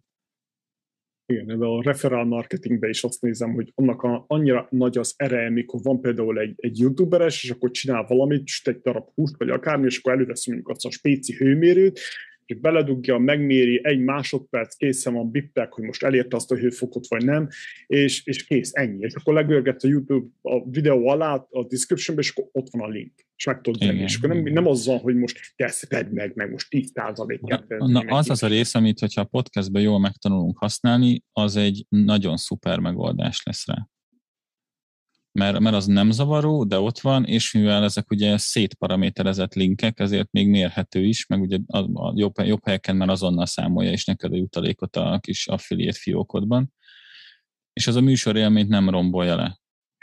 Tehát, hogy ez egy, ez egy tök jó megoldás, de ez az kell, hogy akárkivel együtt működök, azt tudja nekem adni a linkeket, és általában itt szokott elhasalni a sztori. Hogy ne kelljen kérnem. Igen. Én tudok adni. Igen, nekem is, nekem is egy-két helyre van egyébként, amit nagyon szeretek, ajánlok a mindenkinek, amit én is használok, de nem mindhez, mert nem, tehát nem tudtam megoldani én sem. Tényleg az előbb említettél valamit, nem tudom, hogy most hülyeskedtél, vagy komolyan gondoltad, hogy az Amazon, hogyha bejön. Most van arról szó, hogy Magyarországra bejön az Amazon? Hát vannak róla persze cikkek, meg hírek, hogy szeretnének itt is most már árulni. Nyilván van egy, van egy jelképes méretű ellenállás, hogy, hogy ne jöjjön be, de most azt gondolom, hogy ők viszont vannak akkorák, hogy ha akarnak, akkor be fognak jönni, és a jelképes méretű ellenállás ezt pont magasról fognak tenni rá. De igen, most már tavaly ősz óta vannak róla hírek, hogy szeretnének itt is nyitni a helyi, helyi piacon, ami, amitől nyilván retteg mindenki, aki most máshol intézi a dolgait. Már most a Indiára fókuszálnak, úgyhogy ki tudja, mi lesz belőle. Hát indiai Amazon. És merre tart a világ így technológia szempontból? Ugye mindig meg szoktuk hogy, hogy, hogy milyen változást hoz nekünk az AI, de akár nem csak az AI, hanem egyéb, egyéb technológiai fejlesztések hogyan segítik, vagy hogyan veszik el a podcasterek kenyerét? Um, hát technológiai szempontból a világ az egyébként a privát életem anyagi csődje felé vezet, mert hogy én ezeket sajnos szeretem, és, és, és tudatosan kell visszafognom az impulzív, megalapozott racionális döntéseimet, hogy már pedig erre szükségünk van, nem nincs. Um, komolyra fordítva, én azt gondolom, hogy az az AI alapú dolog az nem fogja kiváltani azt a, azt a dolgot a podcastekben, amire gondolhatunk ilyenkor. Ha, ha most levetítem szövegírásra, mondjuk, ami már egyszerűbb, és az könnyebben megvalósítható AI alapon is, nekünk vannak olyan tartalmaink, aminek az alapját egy AI alapú robot írja, mert olyan téma, ami mondjuk elég népszerű ahhoz, hogy találjon hozzá forrásanyagot, és tudjon következtetni az AI, hogy mi az a tartalom, amire most adott esetben szükség van, de annak át kell menni egy főszerkesztő szövegírón, hogy abból tényleg élvezetes tartalom legyen. És mindez már magyarul, vagy angolul? Hát, angolul. Tehát, hogy, hogy próbáltuk magyarul is, mhm. de, de az nem az igazi. Um, van egyébként akár skriptelő szoftver is, ami már magyarul nagyjából ért, és teszteltük és kipróbáljuk, és valószínűleg fogjuk is használni, de, de az is olyan, hogy azért át kell azt olvasni, mert mit tudom én, a, akkor a Balog Petyával csináltunk interjút az egyik műsorban, akkor azt így csak így tesztből ráeresztettem a szoftvert, hogy na, akkor mit kezd vele, és akkor a Petya az mindig, tehát a, nem azt írta le a szoftver, hogy Balog Petya, hanem azt írta, hogy Balog Betyár. Tehát, hogy ezen így elvérzett, tehát, hogy ilyen, ilyeneket még nem éreznek, és, és nem teljesen használat. És a cikkek is olyanok, hogy tök jó alapcikket ír, hogy, hogy ne kelljen kutató munkát végezni a szövegírónak. A podcaster erre nagyon jól fogja tudni használni az ilyen alapú megoldásokat, hogy a témakutatást azt le tudja helyette egy robot. És ez sok óra. Tehát, hogy azért ennek nagyon nagy értéke lesz, és aki, aki szolgáltatóként tud ilyet adni, hogy témakutatás biztosít mondjuk podcasteknek, vagy videós megoldásokhoz, annak van, annak van jelene már most, jövője meg pláne de nem hiszem, hogy a podcasterek ki lesznek ütve nyerekből. Tehát ott annyira az emberen van a fókusz. És főleg nem a robothangú felolvasó podcastek. Magyarul ez még annyira nem megy. Ú, nem. Tehát ezt el sem tudom képzelni egyébként, hogy hogy. Tehát én, én azóta is a telefonomban úgy van, azért, mert nagyjából tíz évvel ezelőtt a feleségemet, amikor felvettem a telefonjegyzékbe, akkor az volt neki a kódneve, hogy kicsim, és azóta is ezen a néven fut, ami ugye úgy néz ki, hogy hey Siri, call Kixim. és azóta ezzel röhögünk, hogy, hogy ő, őt így tudom fölhívni telefonon, tehát, hogy ez, ez szerintem még messze van. Főleg a magyar, de az angol is. Ah, vágásból lesz még nagy sikere az AI-nek, nem? Mikor ki tudja vágni majd a, az őzéseket, a háttérben. Ezt már most megcsinálja. Tehát a, a, azt, azt például, hogy, hogy ha valahol sokkal nagyon nagy hatásszünet, vagy például nálam kanapéőrség van az ablak előtt, akkor a kutyaugatást azt kivágjuk az epizódból, azt megcsinálja egy, egy már most egy Audacity, tehát ami egy ingyenes szoftver. Nem tökéletes. Tehát, hogy érezhetően, hogyha azt mondom, hogy én az őzéseket szoktam annó vele kivágatni, mondjuk már nem azt használom, hanem más, de azt tök mindegy. Amikor azt használtam, akkor az őzést kivágtam, és igazándiból így egy picit a beszélgetésnek az alaptónusán változtat, egy kicsit ilyen kongósabb lett tőle az egész, mert kiszűrt belőle bizonyos hangmintát, és ettől más lett az egész. Amire most már ott van egy másik szoftver, ami AI alapon visszajavítja, ami, ami viszont egy, tehát zseniális. Tehát, hogy tényleg olyan minőségjavulást lehet elérni adott esetben egy ilyen AI, AI alapú szoftveres javítóval, ami, ami egy nagyon képzett hang, hangtechnikusnak a munkássága. Tehát ebben a részében nagyon sokat tudnak, mert a visszhangot érzékeli, felismeri, kiszűri, feljavítja, a zúgást, azt, a statikus zorájt meg felismeri, azt kiszedi, de úgy, hogy a te hangodból ne szedje ki a, a, a mélységet, arra nagyon jó. Arra nagyon-nagyon jó. Tehát volt olyan műsorunk, amit úgy tudtunk vágni, hogy hangtechnikus elvitte egy bizonyos pontig, és akkor még mindig azt mondtuk, hogy érezhetően tompa, ha nem tompa, akkor vízhangos, és ott például ez a szoftver volt így a megoldás, hogy akkor ráeresztettük ezt, és azt mondtuk, hogy akkor szed ki belőle a, a, a, a vízhangot úgy, hogy ne öld meg a, a hangerőt benne. Erre jó. Erre jó. De ez már nem ingyenes, nyilván, nem, és nem. ezért is érdemes és ezért is érdemes ugye egy ügynösséghez menni esetleg. Így van, így van. Vagy affiliate linkeket alkalmazni. nem, tehát igen, tehát például az ügynökségi oldalon ez egy nagyon nagy erő, és ez nem a podcastekre vonatkozik. Itt most én azt mondom, hogy, hogy egy lépéssel, ha elmegyek a podcastektől, akkor következtessünk, hogy ez lesz majd ott is. A kereső optimalizálásnál évente körülbelül 2 millió forintot költünk mi ügynökségként szoftverre. Ami nem azért van, mert hogy ki kell fizessek 32-szer 20 ezer forintot, vagy 200 ezer forintot per ügyfél, hanem éves szinten ennyibe kerül a szoftver. Egy ügyfélnek is, meg 30-nak is. És ezt nem kell kifizetni, igen. És azt gondolom, hogy podcast ügynökségként is van hozzáférésünk majd már most is ugye ezzel a javító szoftverrel például, uh, olyan lehetőségekhez, amit egy podcaster saját magának csak azért, hogy ha kellhet, akkor nem fog kifizetni, mert tök fölösleges lenne. Igen. Szuper. Utolsó kérdéseink, egy kicsit rákanyarodunk a jövőre, vagy már el is kezdtük a jövőt boncolgatni, de hogy nektek mi a tervetek, neked mi a terved, és az ügynökségnek mi a terve? Hát a, hát a világi uralom után már nagyon sok más nem, de igazándiból... Addig még gondolom, van egy-két lépés hátra, ugye? igen, igen. Ez csak 2023-ban lesz. Um, én azt gondolom, hogy ügynökségként szeretnénk egy, egy fontos szereplője lenni a piacnak. Én nem hiszek a, a monopól helyzetnek, tehát nem szeretném, hogyha, tehát annak nem örülnék, ha mi lennénk egyedül.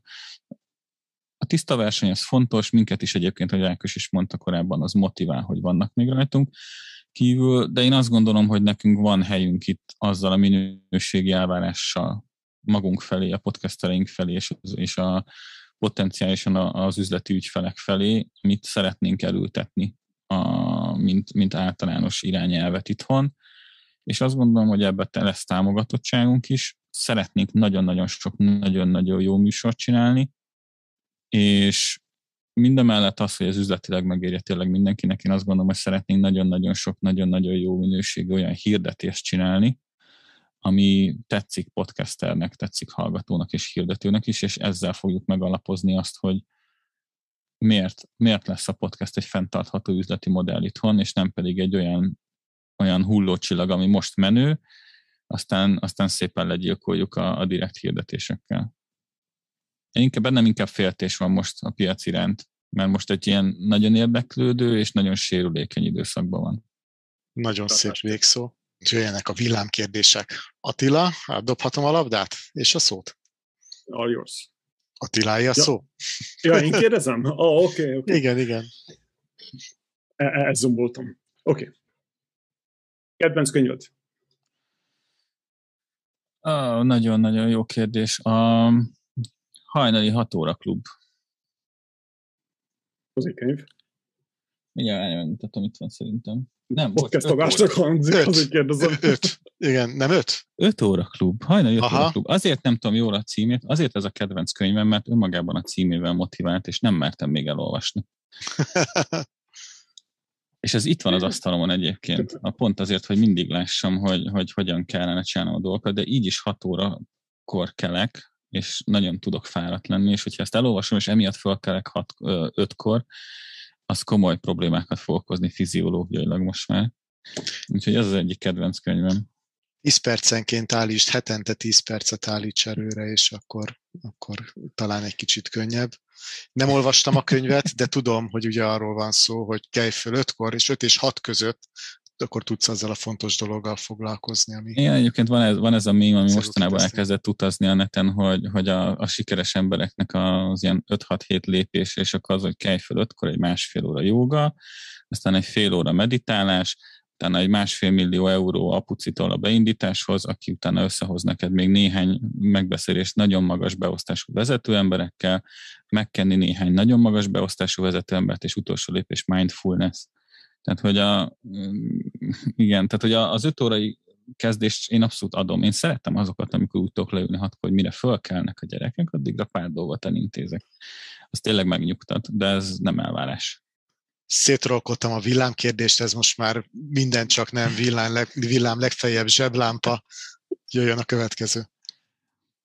Melyik könyv volt a legjobb benyomással rád, mint vállalkozó? Uh, a négy órás munkahét Melyik bizniszkönyv segített a legjobban a vállalkozásod építésében?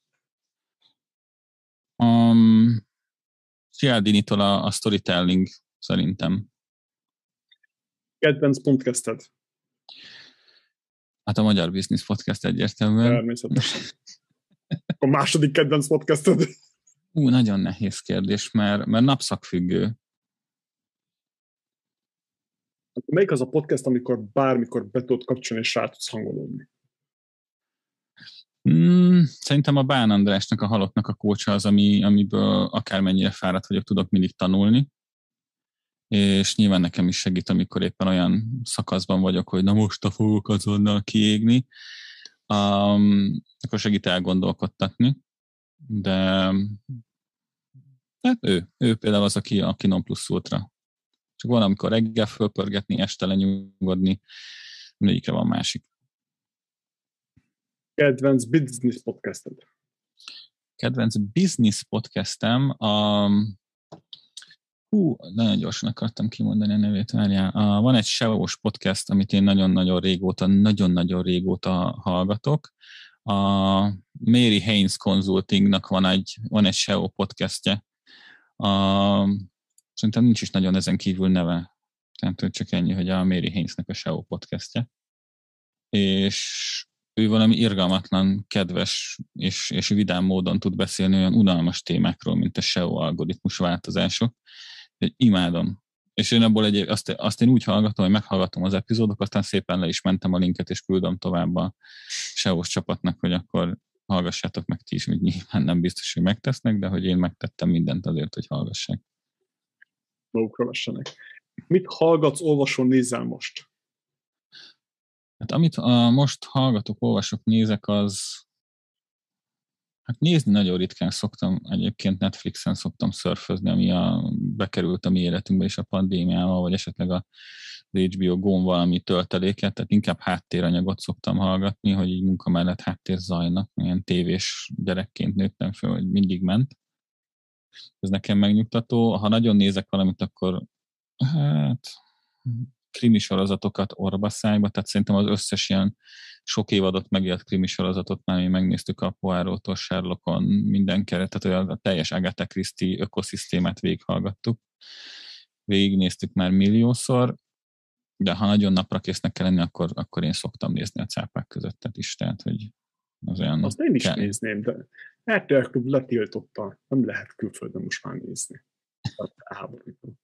Az előző évadot még sikerült nézem, ott, ott volt lehetőségem 48 óráig azt hiszem nézni, miután leadták a tévébe, ezt az utolsó évadot szóval nem adják meg. Nem, nekem kellemes kikapcsolódás, hogy így milyen ötletek vannak, milyen kritikák hmm. vannak. Abból is, hogyha valaki nagyon mélyen vállalkozó, akkor abból lehet tanulni, hogy mi az, ami működhet, mi az, ami nem. De mondjuk egyébként vállalkozók, én megmondom, film volt ez, ami, vagy film, magyar filmsorozat volt, ami a leginkább mély hatással volt rám. A, az aranyéletet nem tudom, hogy néztétek-e. Googlizom gyorsan. Hát nézzétek meg, én azt végignéztem, és gyakorlatilag az volt az a sorozat, amit így a közepénél már így kijelentettem magamnak hangosan, hogy így nálunk nem mindennek tisztának kell lennie, nem, nem lehet semmi svindli, mert gyakorlatilag akkor úgy járunk, mint ők.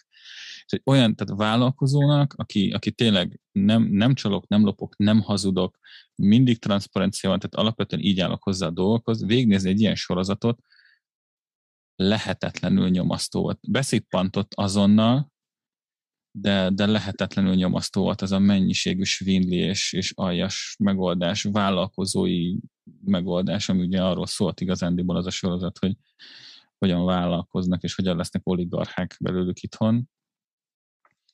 Az nagyon mély hatása volt rám, hogy tényleg minden tiszta legyen. Hát akkor mégsem fogom megnézni, se baj. akkor ha jól értem, akkor ez, ez a tévésorozat, ez, ez arra való, hogy hogyan ne csináljad. Igen, igen, igen, igen, igen. Tehát, hogy ez a mindenki tartson a, a tiszta egyenes úton típusú sorozat. Nagyon motiváló volt, tehát hogy tényleg mi az, ami szakmailag most inspirál a legjobban?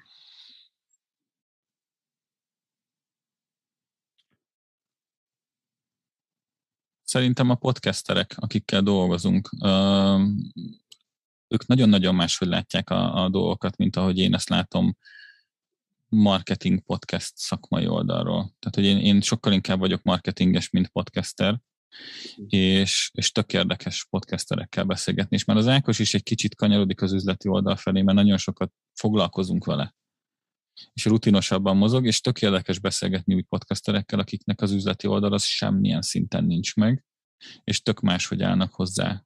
És ezt bele kell mosnom valahogy a, a jövő építésbe, mert az, amit ők akarnak, az a jó irány. Az a természetes. Igen, csak a közös nevezőt kell megtalálni, hogy azért élve is maradjanak. Úgy kell, úgy kell gyúrni az ő elvárásaikat, hogy az ne változzon, hanem legyen emészthető nekünk üzleti oldalon való szereplőknek.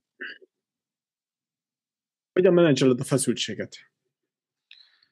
Jól. Mindenki azt mondja. GTD trénerként az nekem egy nagyon fontos feladat, hogy a feszültséget azt jól kezeljem. Um, nem nagyon szoktam ezzel haknizni, de tehát ugye nekem azért az egész indult, hogy amikor én kiléptem vállalkozóként, akkor nekem már volt egy kocsim, egy házam, két gyerekem, három hitelem, és ezeket mind, mind, mind fönt kellett tartani, úgyhogy nem működött a klasszik ilyen uh, kiugrok és csinálok egy startupot, aztán lesz valami megoldás. Úgyhogy a 8 órás műszak mellé nekünk a 8 órás műszakot fel kellett építeni. Közben ugye elhatároztuk, hogy családi vállalkozás lesz, úgyhogy akkor inkább 12 órás műszakot kellett felépíteni a 8 órás mellett, és ez heti 7 nap volt azért az első időszakban. És ugye fél év után, amikor már egy éreztem, hogy most már valami nem jó, akkor, akkor, akkor be is kerültem kórházba. És, és annak a vége az lett, hogy onnan úgy jöttem ki, hogy nem most kell váltani, és most kell valami olyat kitalálni, ami, amitől ez működni fog, akkor jött be az életembe a GTD, aminek ugye az egyik fő mondani valója, hogy csökkenti a stresszt és nagyon bevált. Tehát tényleg azóta tudok nyugodtan dolgozni minden nap, még a legstresszesebb időszakban is, mert tudom, hogy van egy rendszer, ami izgul helyettem a dolgokon, és nem kell nekem. Úgyhogy nekem ez volt a, nekem a GTD volt a főeszköz. A stressz, amúgy sem vagyok egy ilyen idegeskedő típus. Segít. Az segít. Ha azt mondom, hogy fizikailag az én meditációm az az Aikido volt. Tehát, hogy nekem az volt az, ami le tudott vinni zembe, és az a fajta mentalitás az nagyon hamar belém ivódott, az az együttmozgás, és nem, nem az ellenállás felé kell menni, hanem fel kell használni ezeket az energiákat. Mert szerintem működik mi az élet minden területén. Nagyon érdekes. Mi van a zsebedben? Mit, általában mit hordasz magadnál? Hát ami mindig nálam van, az a, az a mobilom meg uh, amióta podcast hallgató vagyok nagyon erősen, azóta mindig van nálam fülhallgató a zsebemben, hogy ha bárhol vagyok és egyedül vagyok, akkor tudjak azonnal valami olyan tartalmat fogyasztani, amihez kedvem van. És nagyon más nincs, mert a pénztárcám volt még egy olyan másik dolog, ami mindig nálam van, de azt már nagyrészt azért átültettem a, a telefonomba, amit lehetett belőle, úgyhogy igazán ez a két dolog, ha lakáskulcson, meg a sluszkulcson felül kell mondani valamit, akkor ez a kettő az, ami biztos, hogy nálam van szeretjük a minimalizmust. Rendezett vagy rendetlen iroda? Rendezett. Muszáj. Muszáj. Nem azért, mert, mert függök tőle, hanem azért, mert tudom, hogy hajlamos vagyok a rendetlenre, de akkor viszont abban is maximalista. Mit jelent számodra a pénz? Nem, nem sokat. Igazándiból az a kötelező Babilon az életemben, hogyha a Rastafári vonalat behozzuk. Tehát, hogy igazániból az az, el, az, az a hozzáállás, ami hozzám is közel áll. Tehát, hogy az a, a pénz az az eszköz, aminek muszáj meg legyen ahhoz, hogy normálisan tudjunk élni, normálisan tudjunk tenni dolgokért, az, hogy tudjak segíteni másoknak, ahhoz kell, hogy az én oldalamon rendezve legyen a dolog. Mit jelent számodra a siker?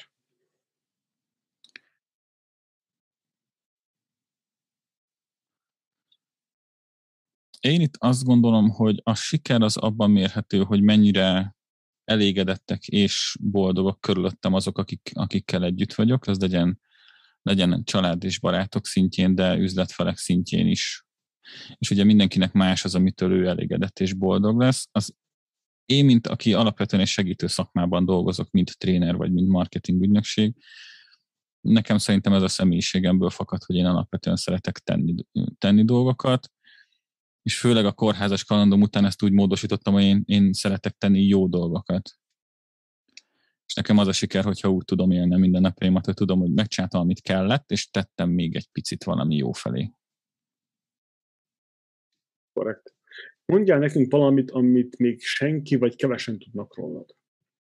Ez a lábméretem is lehet, mert azt nagyon kevesen tudják. Um, hát amit nagyon kevesen tudnak rólam, az szerintem inkább az, hogy honnan, honnan eredeztetem én a saját elveimet, ami szerint, ami alapján élek, ez, ez mindenkinek így a um, nem mindenki tudja szerintem ilyen, ilyen határozottan kötni valahova. Engem fiatal koromban nagyon-nagyon megfogott a japán kultúra, és azon belül is inkább a, ugye a szamurájoknak a saját erkölcsi kódexe és az ő saját hozzáállásuk a dolgokhoz. Innen is van egyébként, hogy elmentem Aikidóra végül, és akkor ott is megtanultam, hogy például az, hogy azon a fekete nadrágon, amit hordanak az Aikidókák, azon hét hajtás van, és ez nem véletlen, hanem annak is az a hagyománya, hogy a szamurájoknak hét erénye van és minden egyes hajtás egy szimbólum. És akkor, de ebben ilyen, ilyen lehetetlen, megvalósíthatatlan dolgok vannak, hogy tegyél jót a környezeteddel, ne hazudj, ne, ne csaj, ne lopj, ne ármánykodjál, állj ki a gyengéért, és védd meg a... Tehát, hogy ilyen, ilyen érthetetlen dolgok vannak benne, mivel irgalmatlan könnyen lehetett azonosulni, és én azt gondolom, hogy van helye ennek a magánéletben is, és van, van helye az üzleti életben is, hogy így is lehet csinálni. Érdekes. Szerinted mennyire fontos a szerencse az üzleti életben? Tudsz mondani egy százalékot?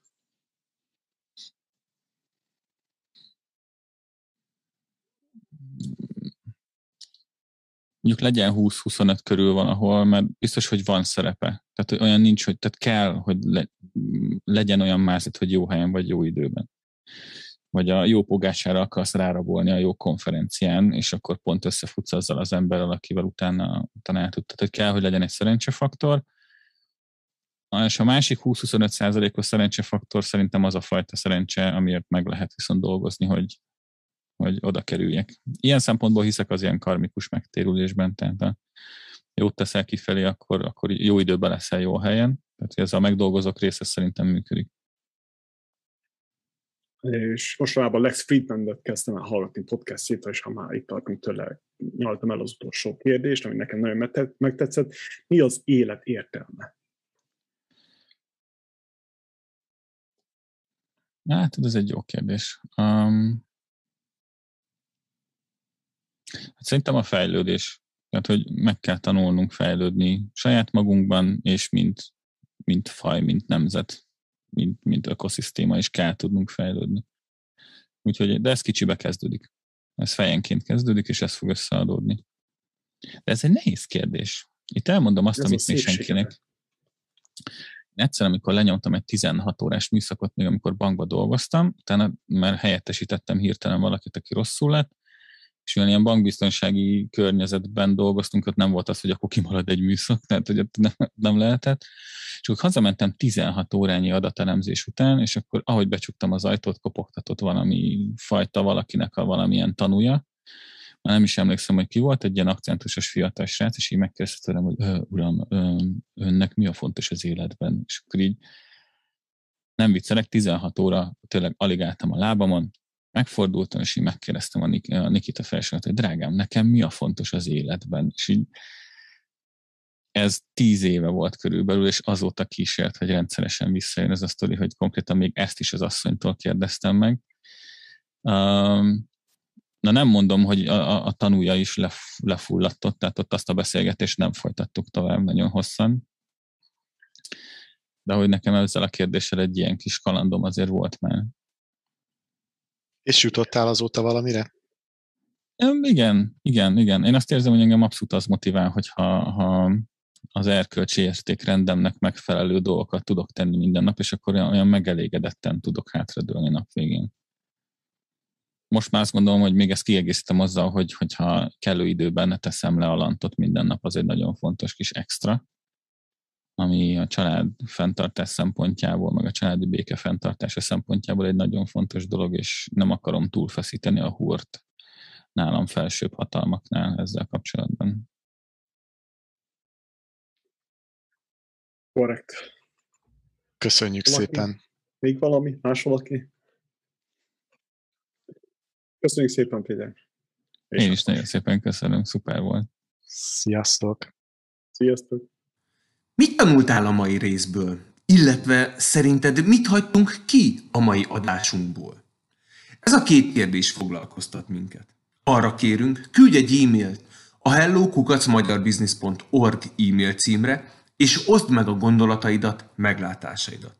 Legközelebbi adásunkig iratkozz fel YouTube csatornánkra, a Magyar Business Podcastre, nézzétek meg a klippeket és a teljes adásokat is.